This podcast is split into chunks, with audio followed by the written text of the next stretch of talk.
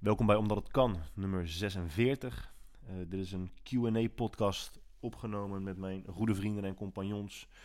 Althans, de ene is een betere vriend dan de ander. En eh, twee van de drie zijn geen compagnons. Maar goed, het bekt zo lekker. Um, Doan Teken, Wil van der Struis en Dennis Abink. Eh, de ene is ook bekender dan de ander. Um, sommigen zijn gewoon regelrecht onbekend. Maar daar proberen wij verandering in te brengen. De podcast is enigszins chaotisch, omdat we met vier personen zijn en slechts twee mi microfoons hebben. Aan de andere kant staan deze microfoons erom bekend dat je uh, twee ingangen of iets dergelijks hebt. Althans, je kunt van, vanaf twee kanten inspreken. Dus ik hoop dat het al met al redelijk te beluisteren is. En zo niet, ja, dan kan ik er eigenlijk vrij weinig tot niets aan doen. Uh, hier is die, nummertje 46. Geniet ervan.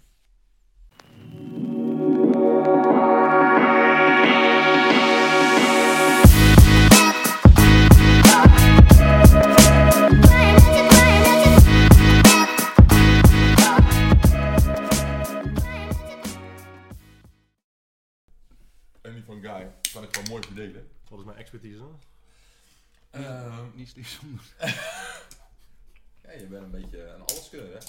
Lach, maar nog steeds. Jij hebt nog nooit zo'n uh, Waarom drink je artikel geschreven Ik- ik- of... ik- uh, ik- ja, Hoe doe ik me niet? Ja, jij zegt dat, je, dat ik dat moest doen, maar ik ga het toch niet doen. Ja, jij hebt het over uh, open en gesloten ketens. En dan kijken drie mensen en denken ze, ja, ik weet niet wat het is. En dan doe je één uh, story over uh, knieslies aandoen. En dan komen gewoon mensen, mensen op de Paulenwedstrijd, hè. Die komen gewoon en zeggen, zo, ik heb echt van die story gehad. Ik weet het Dat is ook kut. Dat is ook kut. Nee, dat is helemaal niet kut, vind ik niet erg. Ik wil iets harder praten, want anders horen mensen echt niet. Oké, mannen. Nou, welkom bij de podcast van uh, Dylan Teken. we gaan, zullen we gewoon gelijk beginnen? Gewoon lekker Mhm. uh, vraag, uh, vraag nummer 1. Ja, en dit is een vraag. ehm, kunnen we allemaal antwoord op geven? Eh, tenzij je niet met een andere tip kan komen. En Dennis Dat moet is een leuke vraag. Mocht je één tip kunnen... Wat doe je nou? Dat is beter. Dat is Ja, maar Mocht je, mocht je één Kan je tip... zo blijven staan, serieus? Ik zei maar, ik zou iets harder praten of iets meer naar voren komen. Nee, maar voor hem. Hij, gaat nu, hij is nu aan het praten. Oh ja, hij heeft harde stem. Maar je kan iets, iets een beetje naar voren, dan klinkt je stem mooi in de microfoon. Dan moet hij niet zo. Nee, nee, nee. Hij kan Oh nee, hij, hij, hij uh, registreert van beide kanten. Ah, top geregeld, jongens, dit. Hè? Huh. Nou, ik begin bij eh, Wil. Moet ik vier microfoons kopen? Mocht je één tip kunnen meegeven aan een beginnend krachtsporter, wat zal deze dan zijn? Gaan we gewoon het rijtje af? Ik ben benieuwd, maar dan begin ik gewoon lekker bij Wil. Stick with the bas- basics. Blijf lekker bij de basis. Kies vier oefeningen, word daar beter in, word daar sterker in. Alright. Dennis. Ehm, bijhouden. Dat was het Oh, je- Dat is de vraag. Oké. Ja. Bijhouden. Je trainingen bijhouden sowieso. Dus alles opschrijven. Oké. Dat is Goeie een tip. Was het er zat? Ja, ik weet niet of het, ik weet het niet man. Ik weet het niet, was wel zo. Oké, ik ga harder praten. Ik probeerde jou net na te doen en eh, toen ging het wel goed, hè? Ja, maar je hoort het wel op de achtergrond. Moet ik helemaal zo... eh, Elke keer als ik ja. een vraag je, heb... je stem klinkt heel mooi als je, als je echt in de microfoon praat. is het heel Oké. mooi hè. Ja, jij bent. Ehm ja, ik wilde eigenlijk ook zeggen, stik de... Kut zo. Ik ga eerst naar jou. Ja? Eer- eer- eerst naar jou en dan eh, ga ik eh dit- puntje op die zetten. Deze is wel heel slecht, maar het is wel een hele goede tip, denk ik. Dus zorg ervoor dat je lang de tijd neemt, dat je duurzaam, duurzaam denkt en traint. Ja, dat is- ja. Ik eh, zou inderdaad zeggen, het sluit aan op wat eh, Wil zegt, stick to the basics, maar dan begin met, begin met de kleinst mogelijke interventies. Eh, Zeg maar, nieuwe klanten die komen vaak aan en die willen gelijk en hun voeding helemaal opnieuw omgooien en hun training helemaal op, omgooien. Eh, dat is in één keer zo een verschrikkelijke omslag in je leven, dat de kans dat je volhoudt is, is heel klein. Dus doe het hele kleine stapjes. Ja. En sommige mensen die beginnen met krachttraining, denk ik, wel, binnen drie maanden wil ik daar zijn. Maar als je staan je gewoon- bij. ja, als je gewoon continu blijft trainen, dan zie je er over tien jaar, eh, is- ziet het er allemaal zo anders uit. Maar ja, als je traint voor deze zomer, dan wil je niet te trainen voor zomer 2030. Ja, Verwachtingsmanagement. ja, Op zich ook wel een taak van ons, toch? ja. Van personal trainers. Dus dat is wel, je moet echt hard praten. Verwachtingsmanagement. Maar waarom gaat mij niet iets met mij te doen? Want jij praat toch harder dan ik. Ik praat niet zo hè. Eh, dit vind ik wel een eh, leuke ook voor eh, William. Wanneer zijn weightlifting schoenen wel niet aan te bevelen? Eventuele voor- en nadelen die je kan benoemen. En misschien ook benadrukken dat er sommige trainers zijn die zeggen dat je ze gewoon nooit moet gebruiken, toch? Oké. Ja. Eh, heel simpel. Eh, kom je niet makkelijk op eh, diepte met squatten. Probeer ze een keer. Vind je het fijn, vergemakkelijk het, het squatten. Eh, doe ze aan. Eh, gebruik ze. Eh, het voordeel van een squatschoen is vaak dat het al een harde zool heeft. Eh, het is vaak een wat stevige schoen dan de gemiddelde schoen. Maar het is eigenlijk heel simpel. Probeer het gewoon. Vind het fijn? Ja, gebruik ze. Vind platte schoenen fijn? Gebruik je platte schoenen. Kijk, blote voeten. Sommige trainers zeggen ja, je moet op blote voeten. Maar als je bijvoorbeeld powerlift is dat lastig, want je mag niet op blote voeten squatten. Dus waarom zou je dan gaan trainen op blote voeten? Wat ik ook wel eens hoor is dat trainers eerst gaan opwarmen met blote voeten. En daarna. En daarna hun squatschoen aan. Dat snap ik niet zo goed. En ik zou ook niet weten waarom je dat doet. Maar probeer het, ja, vind je het fijn. Ik kan er iets heel complex, mooi verhaal van maken. Het is gewoon maar persoonlijke voorkeur ook. Eh, Ja. Zit het lekker je, met je, eh, mag, je mag ze gebruiken. eh, kan je makkelijker op diepte. Nou, sinds twee jaar geleden weten we dat eh full rom, rom squats ook wel heel erg goed zijn voor je billen. Misschien Ja. wel beter dan hip thrust. Of dat echt zo is, dat moet nog wel een beetje blijken. Maar dat is interessant. Maar ja, kan je net iets dieper en gemakkelijker met squatschoenen, gebruik ze vooral. Ja. Alright. En niet te moeilijk om doen. AUB. Ehm, Vind je het niet, eh, want dat zeggen sommige mensen ook wel eens, ook bij onze opleiding, over zowel een riem als schoenen als wrist Ja. wraps. Zeggen ze, ja, is het niet eh vals spelen, want je doet eigenlijk iets wat je lichaam niet van nature kan. Eh, dus is het niet dat je dan bepaalde eh, spieren of gewrichten niet laat adapteren naar de beweging, omdat je tools gebruikt om je lichaam zodanig te beïnvloeden, iets te doen wat je eigenlijk van nature niet kan. Ja, maar van nature... Ja, van nature kan je, mag je niks gebruiken? Wat, wat Nee, nee, vraag- sommige mensen vragen, is het niet vals spelen? Kun je niet beter eh, x aantal weken of maanden oefenen zoals je van jezelf beweegt en dan pas middelen gaan gebruiken zoals gewichthefschoenen of een riem? Mm, nee. Heeft het een voordeel om het uit te stellen? Dat is de concrete. Mm, Nee. als je er beter door gaat bewegen, als je er meer door gaat eh, tillen, eh, je gaat er veiliger door bewegen, waarom zou je er dan mee wachten? En juist als je kijkt naar onderzoek is het juist dat je er makkelijker op diepte mee squat en dat je buikspieren beter geactiveerd worden met een belt. Dus waarom zou je het niet doen? Het mag, het is toegestaan. Er is niks gevaarlijks aan, er is niks. Er wordt niks niet geactiveerd, je wordt niet lui. Wil je het gebruiken? Prima. Wil je het niet gebruiken? Ook. Vind ik het ook oké. Ja, ik, ik heb een klant gehad die eh, wilde wed- wedstrijd gaan doen. Dus Ja. die is aan het voorbereiden voor een wedstrijd. En eh, ik praat nu toch best wel hard. Ja, je praat eh, acceptabel. Kan je het zien op de dingen? Ja. Ah, maar die had het over dat ze niks wilden gebruiken qua, qua eh, hulpmiddelen. En dan bedoel ik kniebanden. eh, Hebben we het dan nog steeds over dingen of doping? Nee, nee, knie, gewoon, gewoon, gewoon materialen. en daardoor squat, en nu gebruiken ze het ei- uiteindelijk door dus mijn eh, aandringen. Squat is gewoon veel beter, veel mooier en meer. Ja. En dat wil je gewoon doen bij wedstrijd. Dus ik denk Ja, dat wij, dat hebben, wij hebben het ook echt vaak op de, op de clinics. Dat gewoon mensen zeggen, ja, nee, ik wil geen riem gebruiken, want ik wil eh, van nature mijn eh, buikspieren eh, gebruiken zoals ze moeten functioneren Ja. uit zichzelf. Ja, ook gewoon prima. Hè? Ik Ja. bedoel, je moet vooral doen waar je jezelf eh, goed bij voelt. En als je dat, eh, maar ik denk dat eh, heel veel mensen die een belt gebruiken, het tegendeel eh, zullen beweren. Kijk, vinden ze het fijn of zeggen ze vinden het, het is een overweging die ze kunnen maken. Maar ze moeten niet gaan, natuurlijk niet gaan zeggen van joh, het is minder goed met belt. Want dat is niet zo.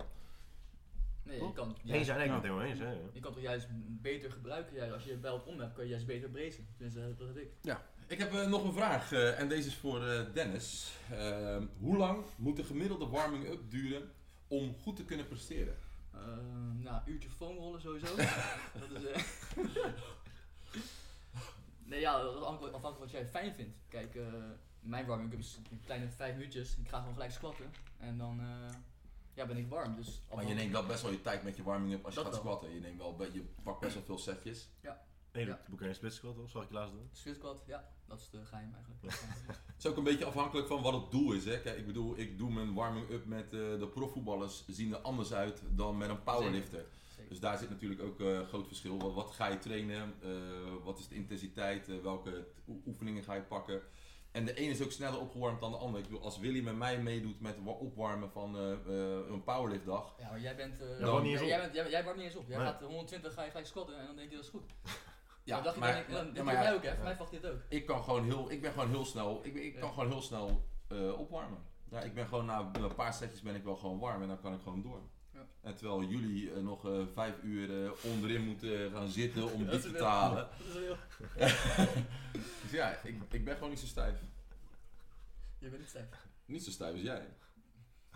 Ik ben leniger dan jij bent. 100%. En sneller toch? Nee, dat is sowieso. Dat is sowieso een leugen. We kunnen, we kunnen Dietmar kunnen we nog even... Hij is ook echt mensen gek te maken in de gym. Hij zegt hij laatst, ja, ik kan eh eh flikvlak of achterover of salto maken op de grond. En dan zie je... Bro, heb je hem zien rennen? Maar zie je Heb, je hem zien zie- sprinten? Hij je sprint, breken, als, hij, hij sprint echt.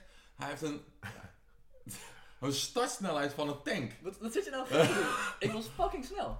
En je hebt Eh, Wil, hoe vaak heb jij van hem gewonnen met Wil, sprinten? Ga je dit nou echt doen? Van de je vijf doen? keer, vier keer. En, Ja. en, en, en die ik had verloren omdat Ja, omdat, luister, omdat, omdat ik ben gevallen. Luister, En ik ben twee, twee, twee keer zo zwaar. luister, ik was, wat hij doet, dat ga ik het nog een keer zeggen. Elke keer ben ik eerder weg en hij is zo ver achter me dat, ik gewoon rustig ga lopen. Dat is logisch. omdat En je- dan gaat hij het laatste keer gaan Nee, je- je- rennen. Ik ben 59 Jawel. kilo. Je, je hebt geen Ik ben snelheid. 86. Je, dat kan niet meer, je kan niet meer dat tempo kan je vasthouden. Je, je- er komt geen snelheid meer bij ook. Ik ben gewoon fucking snel in het begin. En dan, ja, dan ben ik al bij de finish. En dan komt hij op het laatste stukje, gaat hij in één keer sprinten terwijl ik al aan het lopen ben. Hij heeft echt een hele andere sprint. Ja. eh, Ik heb het nooit gezien. Ik wil, ik wil het een keer zien. Kan. Ik wil het een keer zien. Dat moeten we doen op Instagram live. ja, Een race. ja, ja, ik weet niet of je dat moet willen, jij. Ja, 100%. ja, doet ook mee. Volgende vraag. Nee, Oké. weet is. Eh, Guy, wat is jouw mening over sportvasten? Er is weinig betrouwbaar onderzoek, eh, zegt eh, Jori Groothedde. Zo.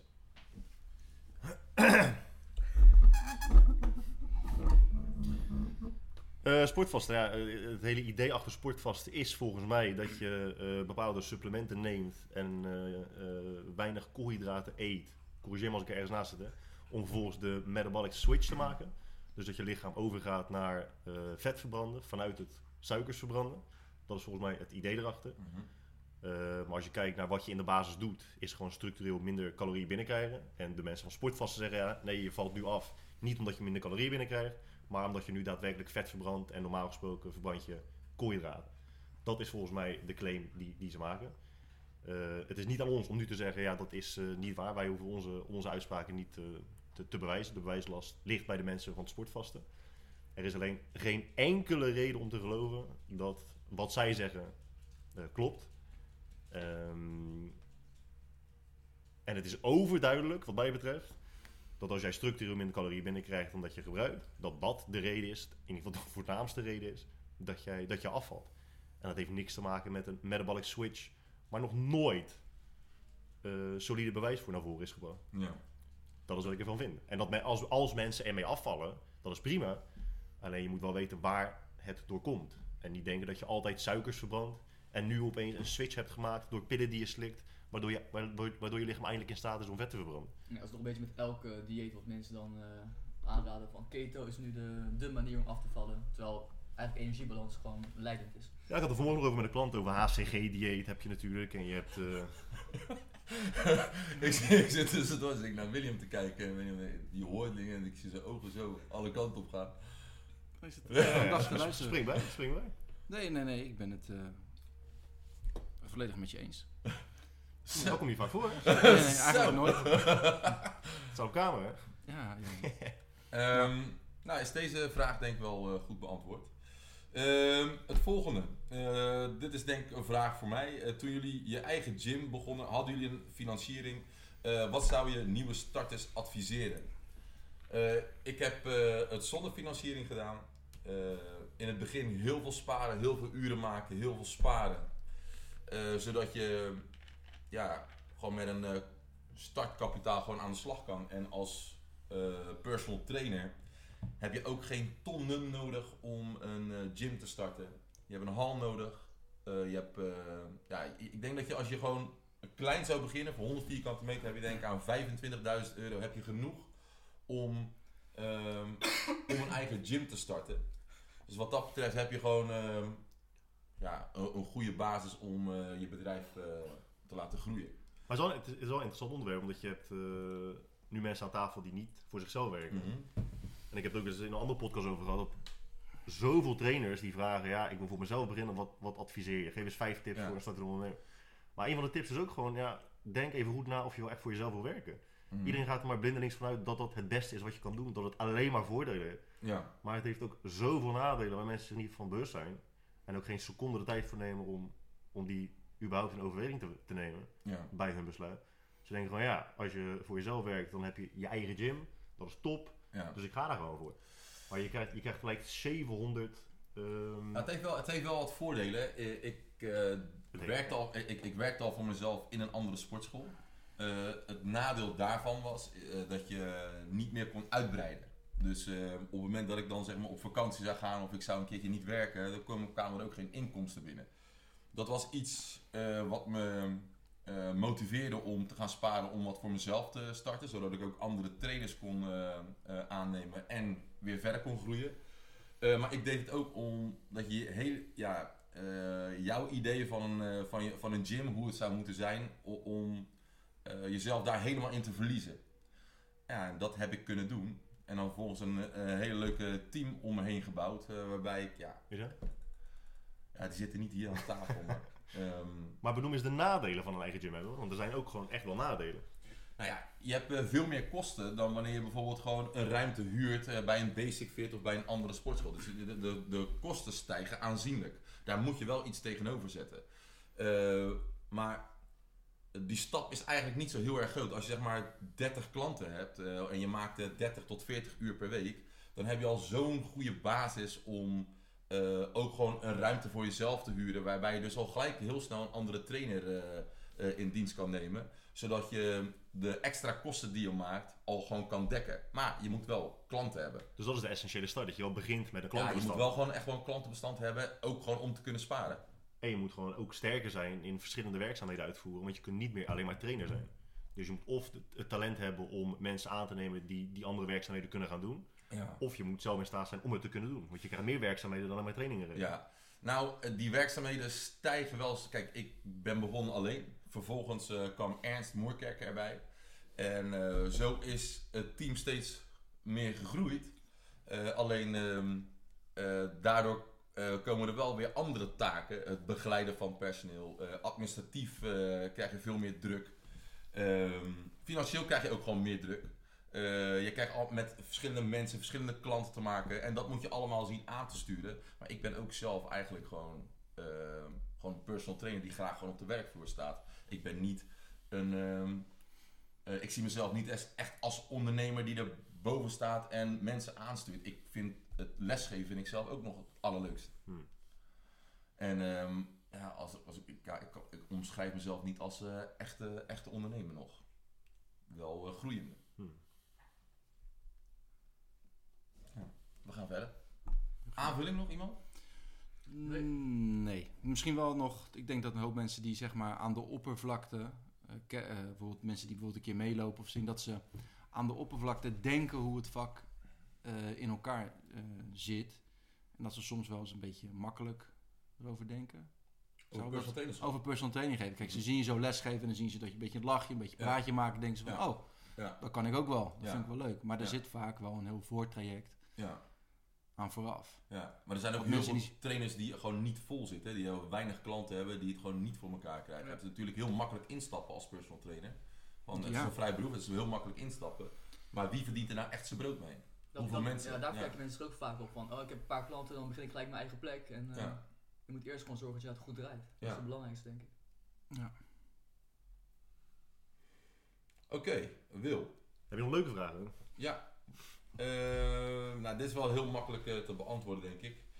Eh, voor Wil, door Tim Bijaard. Eh, hak op de grond tijdens het benchen of op de tenen toegestaan. Hoe kijk jij daarnaar? Het ligt eraan welke bond eh, je meedoet. Doe je in eh de Nederlandse Paulusbond, geloof ik, de IPF, wat is dat wat in Nederland? Hoe, Nederlandse? KNKF, eh, Ja. de wedstrijden waar wij zijn, is het allemaal verplicht hakken op de grond. Je voeten mogen wel schuiven, maar ze moeten wel plat op de grond zijn. Waarom is dat? Geen idee. zijn de regels. Ja. Het zijn regels, regels. ja. Waarom moet je eh, met bank eh, stang op je borst... eh, Dat iedereen, Raken. eh, dat iedereen hetzelfde eindpunt heeft. Of startpunt, ligt aan hoe je het bekijkt. Er zijn wel bonden waarbij je hakken los Ja, mag eh, andere bonden mag je dat, ook dat- los. Dat, mag wel. Ja, ik weet het, maar, het is- Eh, maar niemand, niemand heeft ooit die vraag gesteld. Ja, waarom, waarom is dat zo? Nee, ja. gewoon een eh, regel. regels zijn regels. Ja, regels. Ja, toch. Gewoon opvolgen die allemaal. Nou ja, dat is... Zoals eh, een brave ik, ik- burger dat ja, doet. ik kan me voorstellen dat als je je hakken los doet, dan wordt je arch wordt aanzienlijk groter bij heel veel mensen. Dus je, kan, dus je kan, eh, je- de, de range of motion wordt ook een heel stuk kleiner. Ik denk dat het gewoon gewenning is. Niet zozeer door de tenen. echt... ja, ik heb wel verschillende leg drives. Ja, want- kan je wel goed leg driven met tenen op de grond. Want je, ja. je komt hem ook van het bankje af, toch? In diezelfde bom mag ook je kont van het bankje afkomen. Nee, dat is niet. nee, nee. nee. Hè? Kont moet, moet wel plat blijven op het bankje. Maar je mag alleen je tenen, of eh, je, je hakken mogen eh, los. Oké. Ik weet niet exact de regels wat in die bond, maar ik geloof dat voor mij is dat ook het enige verschil met, eh met benchen. Dus dit is een vraag eh, die ga ik eh, voor Guy. ehm, aangezien jij de podcastman bent. En eh, jij, jij luistert volgens mij ook veel naar podcasts, Wil. Eh, dat is eigen podcast.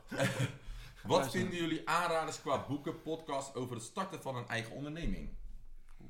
Dat vind ik voor jou. Hoezo? Dan ga je ervan uit dat ik dat heb geluisterd of heb gelezen. Nee, maar om- ja, ik, ik, ik ga ervan uit dat jij eh, degene bent die... eh, jij, Be The Brand ben je, heb je, ben je ooit gestart samen met Michael. Ja, Eh, aan de hand van het opstarten van zo'n business wat lijkt op deze vraag, heb jij misschien wel hier en daar gekeken naar andere podcasts of andere bedrijven die soortgelijke nou, wat podcast betreft luister ik alleen maar naar, Joe Rogan. Naar Joe Rogan of eh, eh, podcasts over filosofie. Dus dat heeft ook echt ja, niks met ondernemen te maken. En boeken, ja, ik ben gewoon alle standaard, standaard eh, to-read lijsten afgegaan als het om ondernemen gaat. Maar ik kan nu niet achteraf zeggen, zo daar heb ik echt zoveel aan gehad. Zeker nog, na, na eh, 12 jaar zou ik wel durven zeggen dat voor de meeste mensen ondernemen gewoon niet is weggelegd. En dat het veel meer aankomt op karakter en of persoonlijkheid dan aangeleerd gedrag uit boeken. Ja. Iemand nog eh, aanvulling erop? Eh, niet voor ondernemen, wel voor eh, tra- trainingsgerelateerd. Dan kan ik natuurlijk wel een paar adviseren. Ja, dat, is, dat, dat, is, dat is de volgende vraag ook. Ehm, eh, wat zijn nog meer goede praktijkgerichte cursussen met betrekking tot eh, powerliften of sportspecifiek trainen? In Nederland? Hoe nog? Eh hoeft, geen, hoeft niet Nederland te zijn, mag ook gewoon in het buitenland zijn. Nederland zou ik het eh, niet weten. En dat is niet om. eh, ja, dat is gewoon, ik zou het, nee. In Nederland zou ik op dit moment eh, geen opleiding eh, eh, adviseren dat ik zeg van nou, eh, die dekt alle lading. Ehm, ik vind zelf eh, Shredded by Science, je hebt PTC Collective, die zitten geloof ik in Engeland, maar er zijn goede mensen aan eh, verbonden waarvan ik denk van nou, die hebben een goede boodschap. Van eh, Geef een 3M goede- 3MJ toch zo? Ja, het is niet echt die club, maar er Eric Helms zit erbij. Ja toch? Ja. Eh, van Maas zitten ze zeg maar achter. Eh, dat is als opleiding wat ik kan, eh, zou adviseren. Als iemand bij mij zou komen en zeggen, ik heb die opleiding gedaan, zou ik dat een grote plus vinden. Eh, qua podcast, voor trainingsgerelateerd Stronger by Science podcast. eh Barbell Medicine vind ik leuk om naar te luisteren. Het is ook voornamelijk omdat daar een eh, iets andere boodschap ook wel eens wordt gebracht dan dat we in Nederland horen. Ik vind in Nederland is het vaak een beetje... Er is vaak maar één bron en die wordt heel vaak herhaald en het blijft allemaal een beetje hetzelfde. En iedereen is Ja. vriendjes met elkaar. Ja, weet je, het, het is zo lastig met sportspecifiek. De vraag die Donny stelt, eh, heb je daar opleidingen voor? Ja, sportspecifiek is zo breed. Je hebt zoveel verschillende sporten dat het heel lastig is om een algemene sportspecifieke eh, cursus eh, te maken of te volgen. Ehm sportspecificiteit, ik, ik denk dat het belangrijkste is, is dat je zeg maar het idee van trainen snapt. Het idee van eh, functioneel trainen snapt. En dat het niet het imiteren is van bewegingen, maar dat, het echt, dat je echt weet ehm, welke spieren er worden aangesproken, eh, hoe je die het beste zou moeten trainen. Ehm, dat vind ik belangrijker dan zeg maar cursussen volgen, opleidingen volgen die ja, sportspecifiek, ehm, sportspecifieke dingen behandelen. Ik denk dat je vooral het moet begrijpen. Wat gebeurt er nou? En hoe kan ik mezelf nou beter maken? Hoe kan ik mijn sporters nou beter maken door de trainingen die je invult voor, eh, nou, voor je sporters, voor je atleet? Maar het is nog steeds gek dat er nog geen opleiding is die mensen dat leert. Je zegt, je moet het begrijpen, maar er moet iemand zijn die het ze leert te begrijpen. Op zich is, is eh Shivo wel eentje die je laat denken in, eh, in bewegingen. Op zich. Ja, Vind ik wel, Ja. vond ik wel, van de Nederlandse opleiding vond ik dat wel een van de betere dan die ik heb gedaan. ja. Eh, die maken wel een goede vertaalslag van. ehm, ehm, alleen ja, kijk, ik, ik denk dat als je. Het maakt niet uit welke opleiding je doet. eh, eh, eh, de goede opleidingen die bespreken ook functioneel trainen, wat dat inhoudt, hoe, dat eruit zou moeten zien. En dat het voor iedere sporter anders eruit zou moeten zien dan, eh, ehm, dan waar wij naar op zoek zijn. Iemand nog aanvullingen daarop? Nou, ik vind functioneel trainen is ook best wel een lastig onderwerp. Ja. Kijk, wat is functioneel? In welke context beoordeel je hoe functioneel is Ja, het? En wat het ja. ene moment functioneel is, hoeft het andere moment weer niet functioneel te zijn. Eens? Is het een kwestie van nou, kijken wat de sporter doet, wat voor bewegingen maakt hij en ga ik die bewegingen kopiëren. Dat is vaak ook een beetje te simpel gedacht. Eh, welke, ja, ik vind, ik vind het best wel een lastig onderwerp. Ja. Ik denk ook niet dat je zegt van nou, als je de ene sporter ziet met bepaalde mogelijkheden kan je het ook weer niet vertalen op een andere sporter die misschien weer anders in elkaar Nee, zit. En, Nee, en wat kan die, hoe belastbaar is die? ja. Eh, dus het is best lastig. Ik denk ook, als je dat wil vatten in een opleiding, dat het ook wel best Het is lastig is. Heel- dat is heel lastig. Het is meer een bepaalde denkwijze en het zelfdenkend vermogen van een trainer Ja, en dingen beoordelen en hoe beargumenteert hij dat, dat dat Ja. eigenlijk dat je eerder daarin kan denken dan aan een aantal oefeningen of nou, je hebt, je hebt, maar je hebt heel veel in je, in, in je story heb jij heel veel gehad over eh, individualiseren. Hè, daar hebben we het al eh, jaren over. eh, weet je wel, heel veel mensen komen met algemene sorry, vragen van, joh, weet je, wat is het beste voor dit, wat is het beste voor dat. Ja. En dan is individualiseren is het allerbelangrijkste. Ja. En dat is met eh sportspecifiek of functioneel trainen is dat net zo. Ja, je hebt inderdaad heel veel mensen die vragen hoeveel sets moet ik doen en waar, waar denk ik dat ik het best op reageer inderdaad. Dan moet je gewoon testen. Ja. Dat is ook gewoon fijn. Ehm, wat is het doel, nut van de arch bij de benchpress? Aangezien jij eh, eh, naar eigen zeggen beste arch hebt, eh, Dan, ben ik, Ik, wel heel erg benieuwd hoe jij daarin staat. Functie van een arts. Denk voornamelijk de schouders gewoon in het bankje vastleggen. Voor ankeren. Ja. Eh, range of motion verkorten. Want je wil natuurlijk zoveel mogelijk gewicht tillen. Eh, en daar kan een korte range of motion bij helpen. Eh, ja, en, en ik, ja, ik merk als ik goed arts dat ik een stuk stabieler ben. Dus eh, ja, dat zijn ze voor mij. Willem nog iets aan toe te voegen? Ja, als je, eh, eh, kan je archen is het, eh, is het mooi. Ehm, wel met de, kijk, er is altijd hoop mensen die denken van nou, ik ga maar meer archen, dan ga ik meer benchen. Dat is niet voor iedereen is dat het geval. Je verkort de range of motion eh, natuurlijk wel, maar kan jij nog optimaal kracht produceren met die verkorte range of motion? Dat is de vraag. Eh, daarbij ik heb bijvoorbeeld mensen die heel goed kunnen archen, dat is heel leuk. Maar die laat ik soms ook bewust niet archen, omdat ik ook wel wil dat die borstspier zich goed ontwikkelt. En dan kan bijvoorbeeld iets zijn dat ze bijvoorbeeld met een bepaalde oefening mogen ze niet archen om wel die borst te ontwikkelen, wat weer een carry-over kan hebben naar hun eh competitiestijl bench bijvoorbeeld. En ik heb, als ik een, iemand voor hypertrofie eh, krijg, dus eh, die wil shape, weet ik wat, die hoeft van mij niet te archen. Waarom zou ik bij hem de range of motion verkorten? Daar zie ik geen reden toe. Dus niet altijd wat ik mee wil geven is eigenlijk dat, dat mensen maar niet denken van ik arch meer, dus dan gaat mijn bench maar. Sommige mensen zie ik dan te veel focus leggen op het maar Archie. eh 0,02 centimeter meer archen, want dan gaat mijn bench maar. Dat is niet altijd zo. Soms kan het sneller en makkelijker zijn om gewoon vaker te benchen en gewoon Ja. te benchen. Dus voor, Willy, of, eh, voor eh, Guy, combineren jullie Nee. het personal training geven nog met een andere baan of studie? Ehm, Studie. Ik studeer media en entertainment in Holland. Dat is ook echt wat ik gedaan heb gewoon. Media en entertainment, oh ja? En hoe is dat uitgepakt? Ja, het heeft me Je zeven bent jaar één- één lopend cliché bij jou. Dat is heel slecht. Heb je zeven jaar en entertainment gedaan? Ik heb drie jaar gedaan over mijn scriptie of zo. Ja, Hoezo? ja, Moeilijk. Lui aangelegd. Ja, echt. Waar ging je, waar ging je scriptie hoor? Over, over, Staatsschenken, gewoon niet eens. eh. over een bedrijf dat eh, opkomend was. En toen ik mijn scriptie ging afmaken, was het bedrijf al failliet gegaan. Personal body tuning. Ja, dat, Eh, of ik het combi... eh, nou ja, we hebben natuurlijk de opleiding. Dat is eh, een hele vanzelfsprekende en eh, mooie combinatie. Maar ik heb in het verleden ook wel andere ondernemingen eh, geprobeerd. We hebben wat jij net zei, die Be The Brand hebben we een tijdje geprobeerd. Dat is niet gelukt, om verschillende redenen. Be The Bedouin Parfums. Dat loopt nog steeds, maar ja, dat is gewoon... Sommige dingen zijn gewoon echt niet te combineren met elkaar. Je kunt niet twee dingen die eigenlijk een fulltime baan zijn... naast elkaar hebben lopen. Dat, dat gaat gewoon niet. Eén van de twee sneuvelt dan. En meestal is dat degene die op de korte termijn de minste potentie heeft. Die laat je dan, eh, die laat je dan varen. Maar ja, ik hou, ik hou wel van mijn, eh, van mijn geld bedden op eh, meerdere paarden. Ja. En als ik eh, alleen maar personal training zou geven, dan eh, zou ik daar niet heel gelukkig van worden, denk ik. Niet omdat het niet leuk is, maar ik, ik ben niet iemand die elke dag altijd hetzelfde kan doen. En studies, eh, nee, studies, ehm, dit is een leuke vraag voor iedereen eigenlijk hier eh, aan tafel. Maar ik eh, ga wel weer beginnen bij jou. En dan ga ik daarna naar William toe.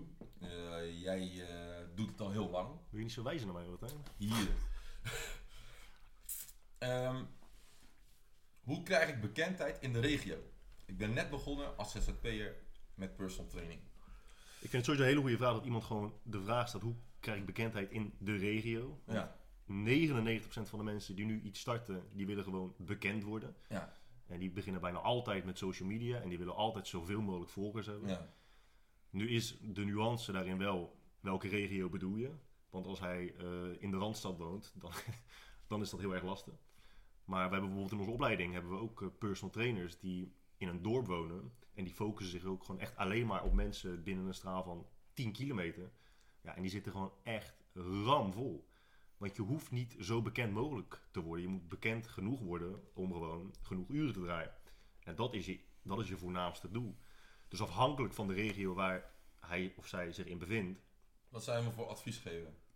Nou, omdat hij dus al klein denkt, en dat is in dit eh, geval positief, eh, zou ik ook iets meer terugvallen op traditionelere vormen van marketing. Dus er zijn echt nog wel regio's waarbij flyeren en zelfs mond-tot-mond reclame zo verschrikkelijk effectief kunnen zijn. In de Randstad is dat echt al een heel stuk minder. Als wij hier gaan flyeren, dan denken mensen, ja, wat een, wat een teringzooi heb ik nu weer in de brievenbus en die gooien dat gewoon weg. Eh, maar in de, in, de, in de kleinere regio's kan dat echt nog onwijs goed helpen. Dan kan, dan kan ehm, een, een post-it bij de Albert Heijn, bij de Albert Heijn kan zelfs nog werken. Dat, dat kan zo snel gaan. Eh, alleen ja, het is wel eens een kwestie van de doelgroep bepalen. Kijken waar die doelgroep eh, zich eh, eh, bevindt. En het gewoon heel, ja, heel traditioneel nog aanpakken. En hoe doe jij het? Ik, nou, t- eh, toen ik begon, mm, ik ben, ja, ik ben eigenlijk gewoon PT gaan geven. Ik heb niet zozeer nagedacht ehm, hoe ik dat vorm wilde geven. Dat, dat, dat, dat, dat, dat, dat, dat ontwikkelt zich een beetje als je gaandeweg, waar ik wel heel erg over na ben gaan denken. eh, wat, wat doen de mensen om me heen? Hoe doen ze dat? En waar zou ik zelf denken van, goh, daar kunnen we nog... eh, ja. Waar zie je een gat wat gevuld eh, eh, gevuld kan worden, dat ik, een aan, dat ik een aanvulling kan zijn. Ja. Ik ben natuurlijk bij jou komen werken, wat dan, dan, hè, dan, dan, ja, daar loopt alles eigenlijk al. Ja. Maar er zijn altijd dingen die beter kunnen en hoe kan ik van waarde zijn voor dit Ja. bedrijf en wat zijn mijn kwaliteiten. Ja. Kijk, als ik, stel ik zit, ben ik bijvoorbeeld een commercieel succes, dus je hebt inderdaad trainers die zijn heel leuk en aardig en die zitten helemaal vol. Maar eigenlijk willen ze misschien bijvoorbeeld eentje zijn die een, een autoriteit in de Ja. fitnessbranche is. Maar ja, ligt daar wel jouw kwaliteit? Hoe we dat gaan ontwikkelen? Ja. En andersom kan het ook. Je hebt mensen die al een autoriteit zijn, maar als je ze op de werkvloer zou zetten, PT draaien, Ja. zouden ze misschien helemaal niet zo'n Nee. populaire trainer. Dus Nee. kijk ook van waar ligt mijn kwaliteit. En onderscheid ook van of een bedrijf of iemand een commercieel succes is. Of zijn ze een succes omdat ze bijvoorbeeld veel kennis en dat mensen daar kennis vandaan willen krijgen. Ja. En dat je jezelf natuurlijk 's ochtends in de spiegel kan aan en dat je denkt van nou, ik vind dat ik vandaag wel weer iets positiefs heb bijgedragen. Eh, nou, we hebben twee verschillende vragen. Ik ben heel erg benieuwd. Kijk, ik, William doet nu bijvoorbeeld eh, online doet hij heel veel schrijven. Eh, veel meer dan, eh, eh, dan Guy en ik eh, bijvoorbeeld afgelopen jaar hebben geschreven. Eh, daarmee eh, zet hij zichzelf steeds meer op de, vo- eh, de voorgrond. Ik ben heel benieuwd hoe jij eh, dat ziet. Hoe jij eh, bekendheid creëert voor jezelf binnen Perfect Performance. Eh, En dit is ondertussen gelijk je functioneringsgesprek. Hè? Ja. nou ja, om even terug te gaan, als je dan inderdaad in een kleine sportschool of gewoon in een sportschool begint. Hoe doe je klein, man? Niet, ja, niet Oh, voor jou, rustig. Dan denk ik, want zo ben ik ook begonnen. Ik had gewoon, ik had, eh, ik ben in de Fit Free begonnen. Eh, en was voor mij gewoon eigenlijk, ik had niks gedaan. Ik ben niet echt iemand die heel goed is in eh, social media. Dus ik ben daar best wel lui in. Eh, maar wat ik, waar ik wel heel goed in ben, is benaderbaar. En ja, ik weet wel waar ik het over heb. Dus als jij in een sportschool begint, zoals, waar je gewoon veel mensen hebt rondlopen, eh, is gewoon de simpelste manier gewoon om klanten te kri- krijgen. Gewoon je daar focussen, de mensen in de sportschool. Ja. En dat is gewoon door, als je aan het lesgeven bent, een goede, goede houding te hebben en ook eh, dat iedereen je durft aan te spreken. Dat is hoe ik mijn klantenlijst toen heb mee is eh, echt voor mensen succesvol worden hoor, op die manier in de basic fit. Ja. Toen ze dat concept uitdraaiden, zijn echt veel gasten die echt het heel goed doen. Ja, weet je, het, het, eh, op het moment dat je mensen kan raken eh, met je passie, met hetgeen waar je zeg maar eh, liefde voor hebt, juist. is dat zo aanstekelijk dat het best wel heel snel kan. Tussenuit? Hm? Niks? De- Gaan we inderdaad. Eh, dat, dat, het, ehm, dat het heel snel kan gaan. Weet je wel, zijn, de intenties, eh, zijn je intenties goed? Ehm, eh, ja, je moet natuurlijk wel verstand hebben van het werk wat je levert. Ja. Alleen, ehm, passie is heel erg aanstekelijk. Ja, dat is En er zijn er ook heel veel mensen die passievol zijn en eh, er geen business van kunnen maken. En andersom. Eh, en andersom ook, ja. ja. Of vinden jullie het een vereiste dat het moet je werk echt je passie zijn en dan nu personal training? Want heel veel mensen beginnen inderdaad als hobbyist. Dan wordt het hun passie en dan zeggen ze ja, ik wil hier mijn werk van maken. Van je, ja, jij, jij, je jij, passie, je ik werk bedoel, maken. jij bent mijn compagnon en jij bent een mooi voorbeeld van iemand die niet ja, enorm veel passie heeft voor de, eh, voor de fitnessindustrie per se. Ik? Ja. Maar die passie wil. Nee, ja, ik vind jou niet. eh, ik, nee, dat weet iedereen die ook live meekijkt, die weet, die weet dat natuurlijk allemaal. Dus je bent wel van een eh, prima voorbeeld van dat je dus wel gewoon je brood kunt verdienen met, eh, met iets waar je. Maar ja, waar ben jij wel passie eh, vol over? Je bent altijd wel gewoon redelijk neutraal. Ik ben heel, eh, heel voorspelbaar ben ik. Ik, heb, ik vertoon voorspelbaar gedrag. Ja, maar dus ook, ik denk dat ook iets wel oorlog, een verschil is tussen zeg maar eh, eh, eh, trainen, training heel leuk vinden. Maar er zit echt wel een heel groot verschil in mensen lesgeven en dat leuk vinden. Ja. Ook mensen denken van, oh, ik vind trainen wel leuk. Ja. En af en toe vraagt iemand wat aan mij. Weet je wat? Ik word personal trainer. En ik vind personal training geven leuker dan zelf trainen. Dat dat, is, eh, dat is een feit. Ja. Ja. Dus daarom zeg ik het Ja, ook. Ja, nee, Dit, dit, dit, ik, ik bevestig het dit, dit is trouwens echt een hele leuke vraag van William. Aangezien jij wel echt stijfste kerel was bij in La Manga. Pak deze maar gewoon. Eh, lenigheid Nee. En dan tussen haakjes, superlenigheid en powerliften. Gaat dit samen? Niet. Eh. Oké. ja, denk- nou ja, dus je bedoelt eigenlijk iemand die bijvoorbeeld, nou laten we zeggen, yoga doet. Of die ook goed kan powerliften. Ja, waarschijnlijk iemand die eh, een splagaat, of spagaat is het hè? Ja. Of eh, split eh, kan. En, eh, Ja. eh, of die ook gewoon zou kunnen powerliften. Ja, oké. Okay, mensen denken soms van, nou, hè, ik kan in een spaga, is het spaga? Spagaat. Spaga. Spagaat. En dan, dan, dan, dan... nou, misschien moet jij me even beantwoorden. Je wil niet op inspringen. Maar laten we ook eens denken van, nou, bijvoorbeeld, ik kan een, eh een spagaat. En daarmee kan ik bijvoorbeeld ook eh, eh, op diepte squatten. Maar daar zit, daar, daar zit een heel verschil in. Kwam, ik ken nog mensen die best wel heel lenig zijn. En dan gaan ze squatten en dan komen ze nog niet eens tot de 90 graden hoek. Mhm.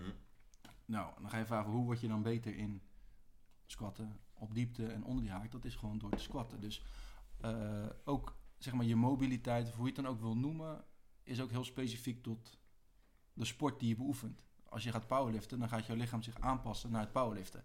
Als je kijkt naar eh, bijvoorbeeld powerlifters, dan, dan is over het algemeen is de heupmobiliteit is vrij goed. Of goed.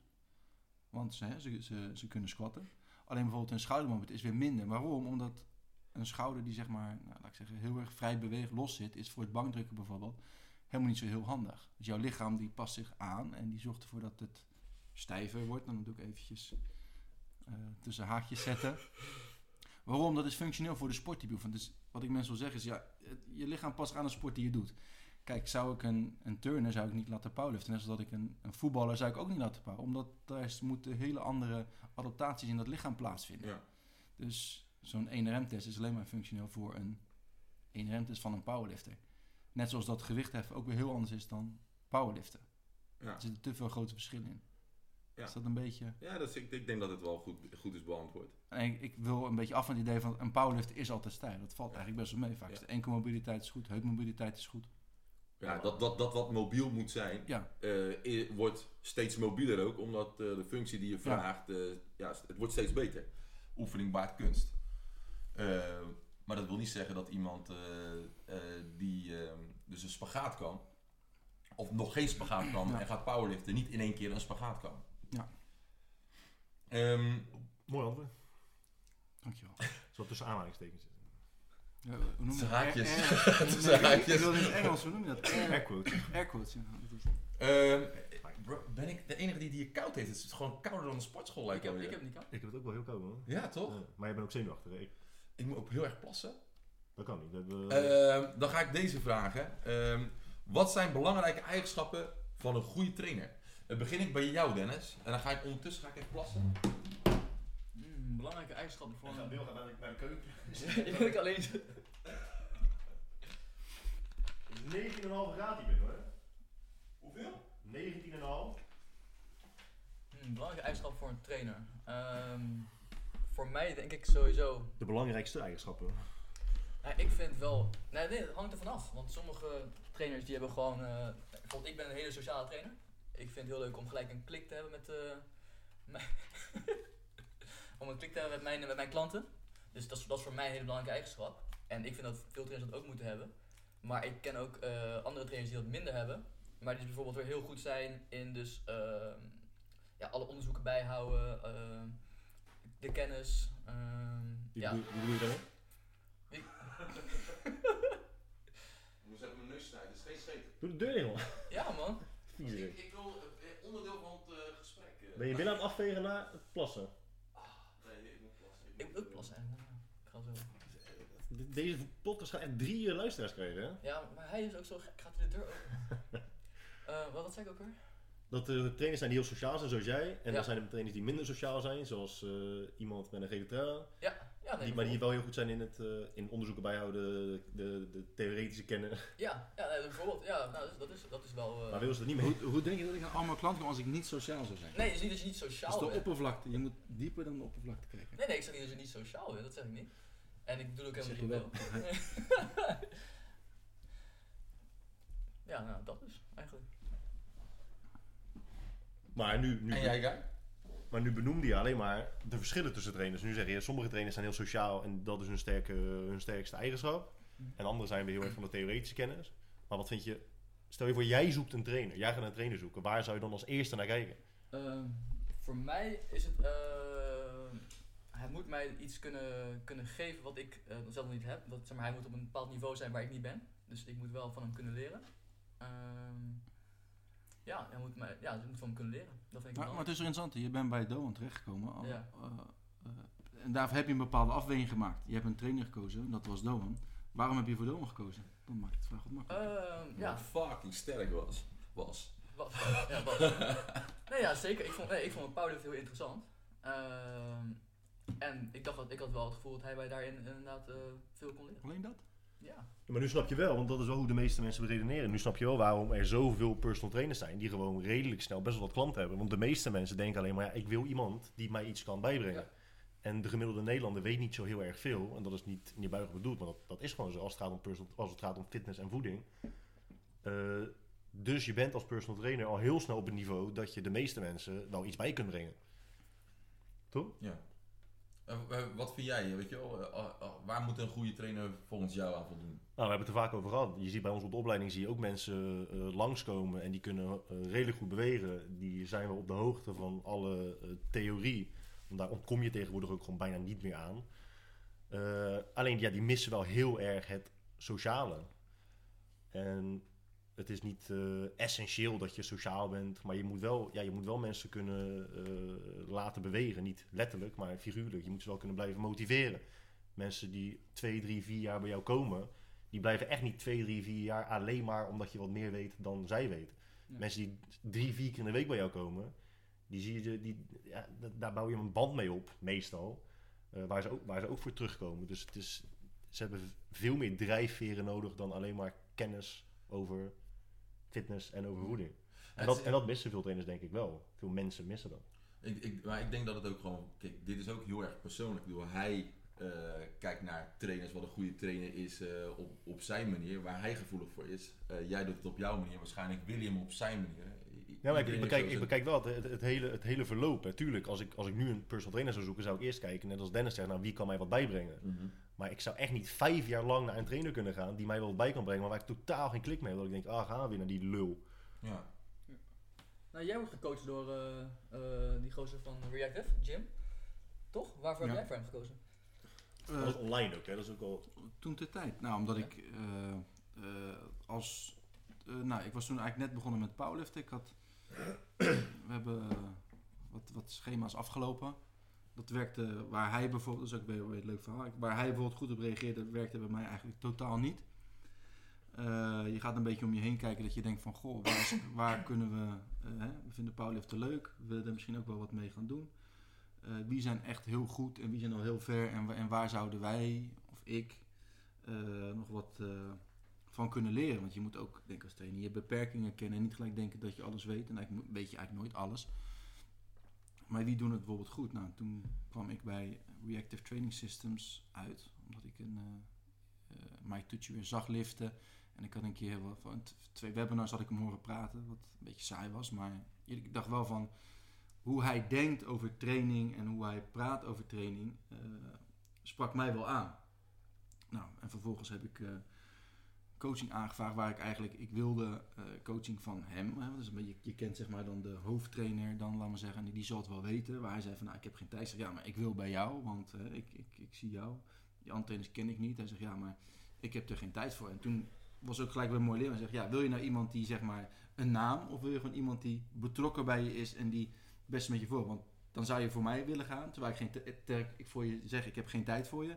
En ik heb misschien een trainer die uit mijn stal komt, die wel die tijd en die wat je nodig hebt te kunnen geven. Dat was voor mij wel. En ik dacht van ja, tuurlijk, dat is eigenlijk ook uh, wel, waar, wel waar het om gaat. Weet je. Waarom zou ik bij een bekende trainer willen die eigenlijk geen tijd voor me heeft, maar alleen maar omdat de naam is.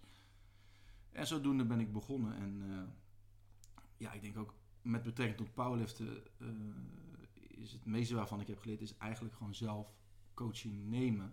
En of je nou bodybuilding doet of dingen, is het wel goed om zelf coaching te, te krijgen.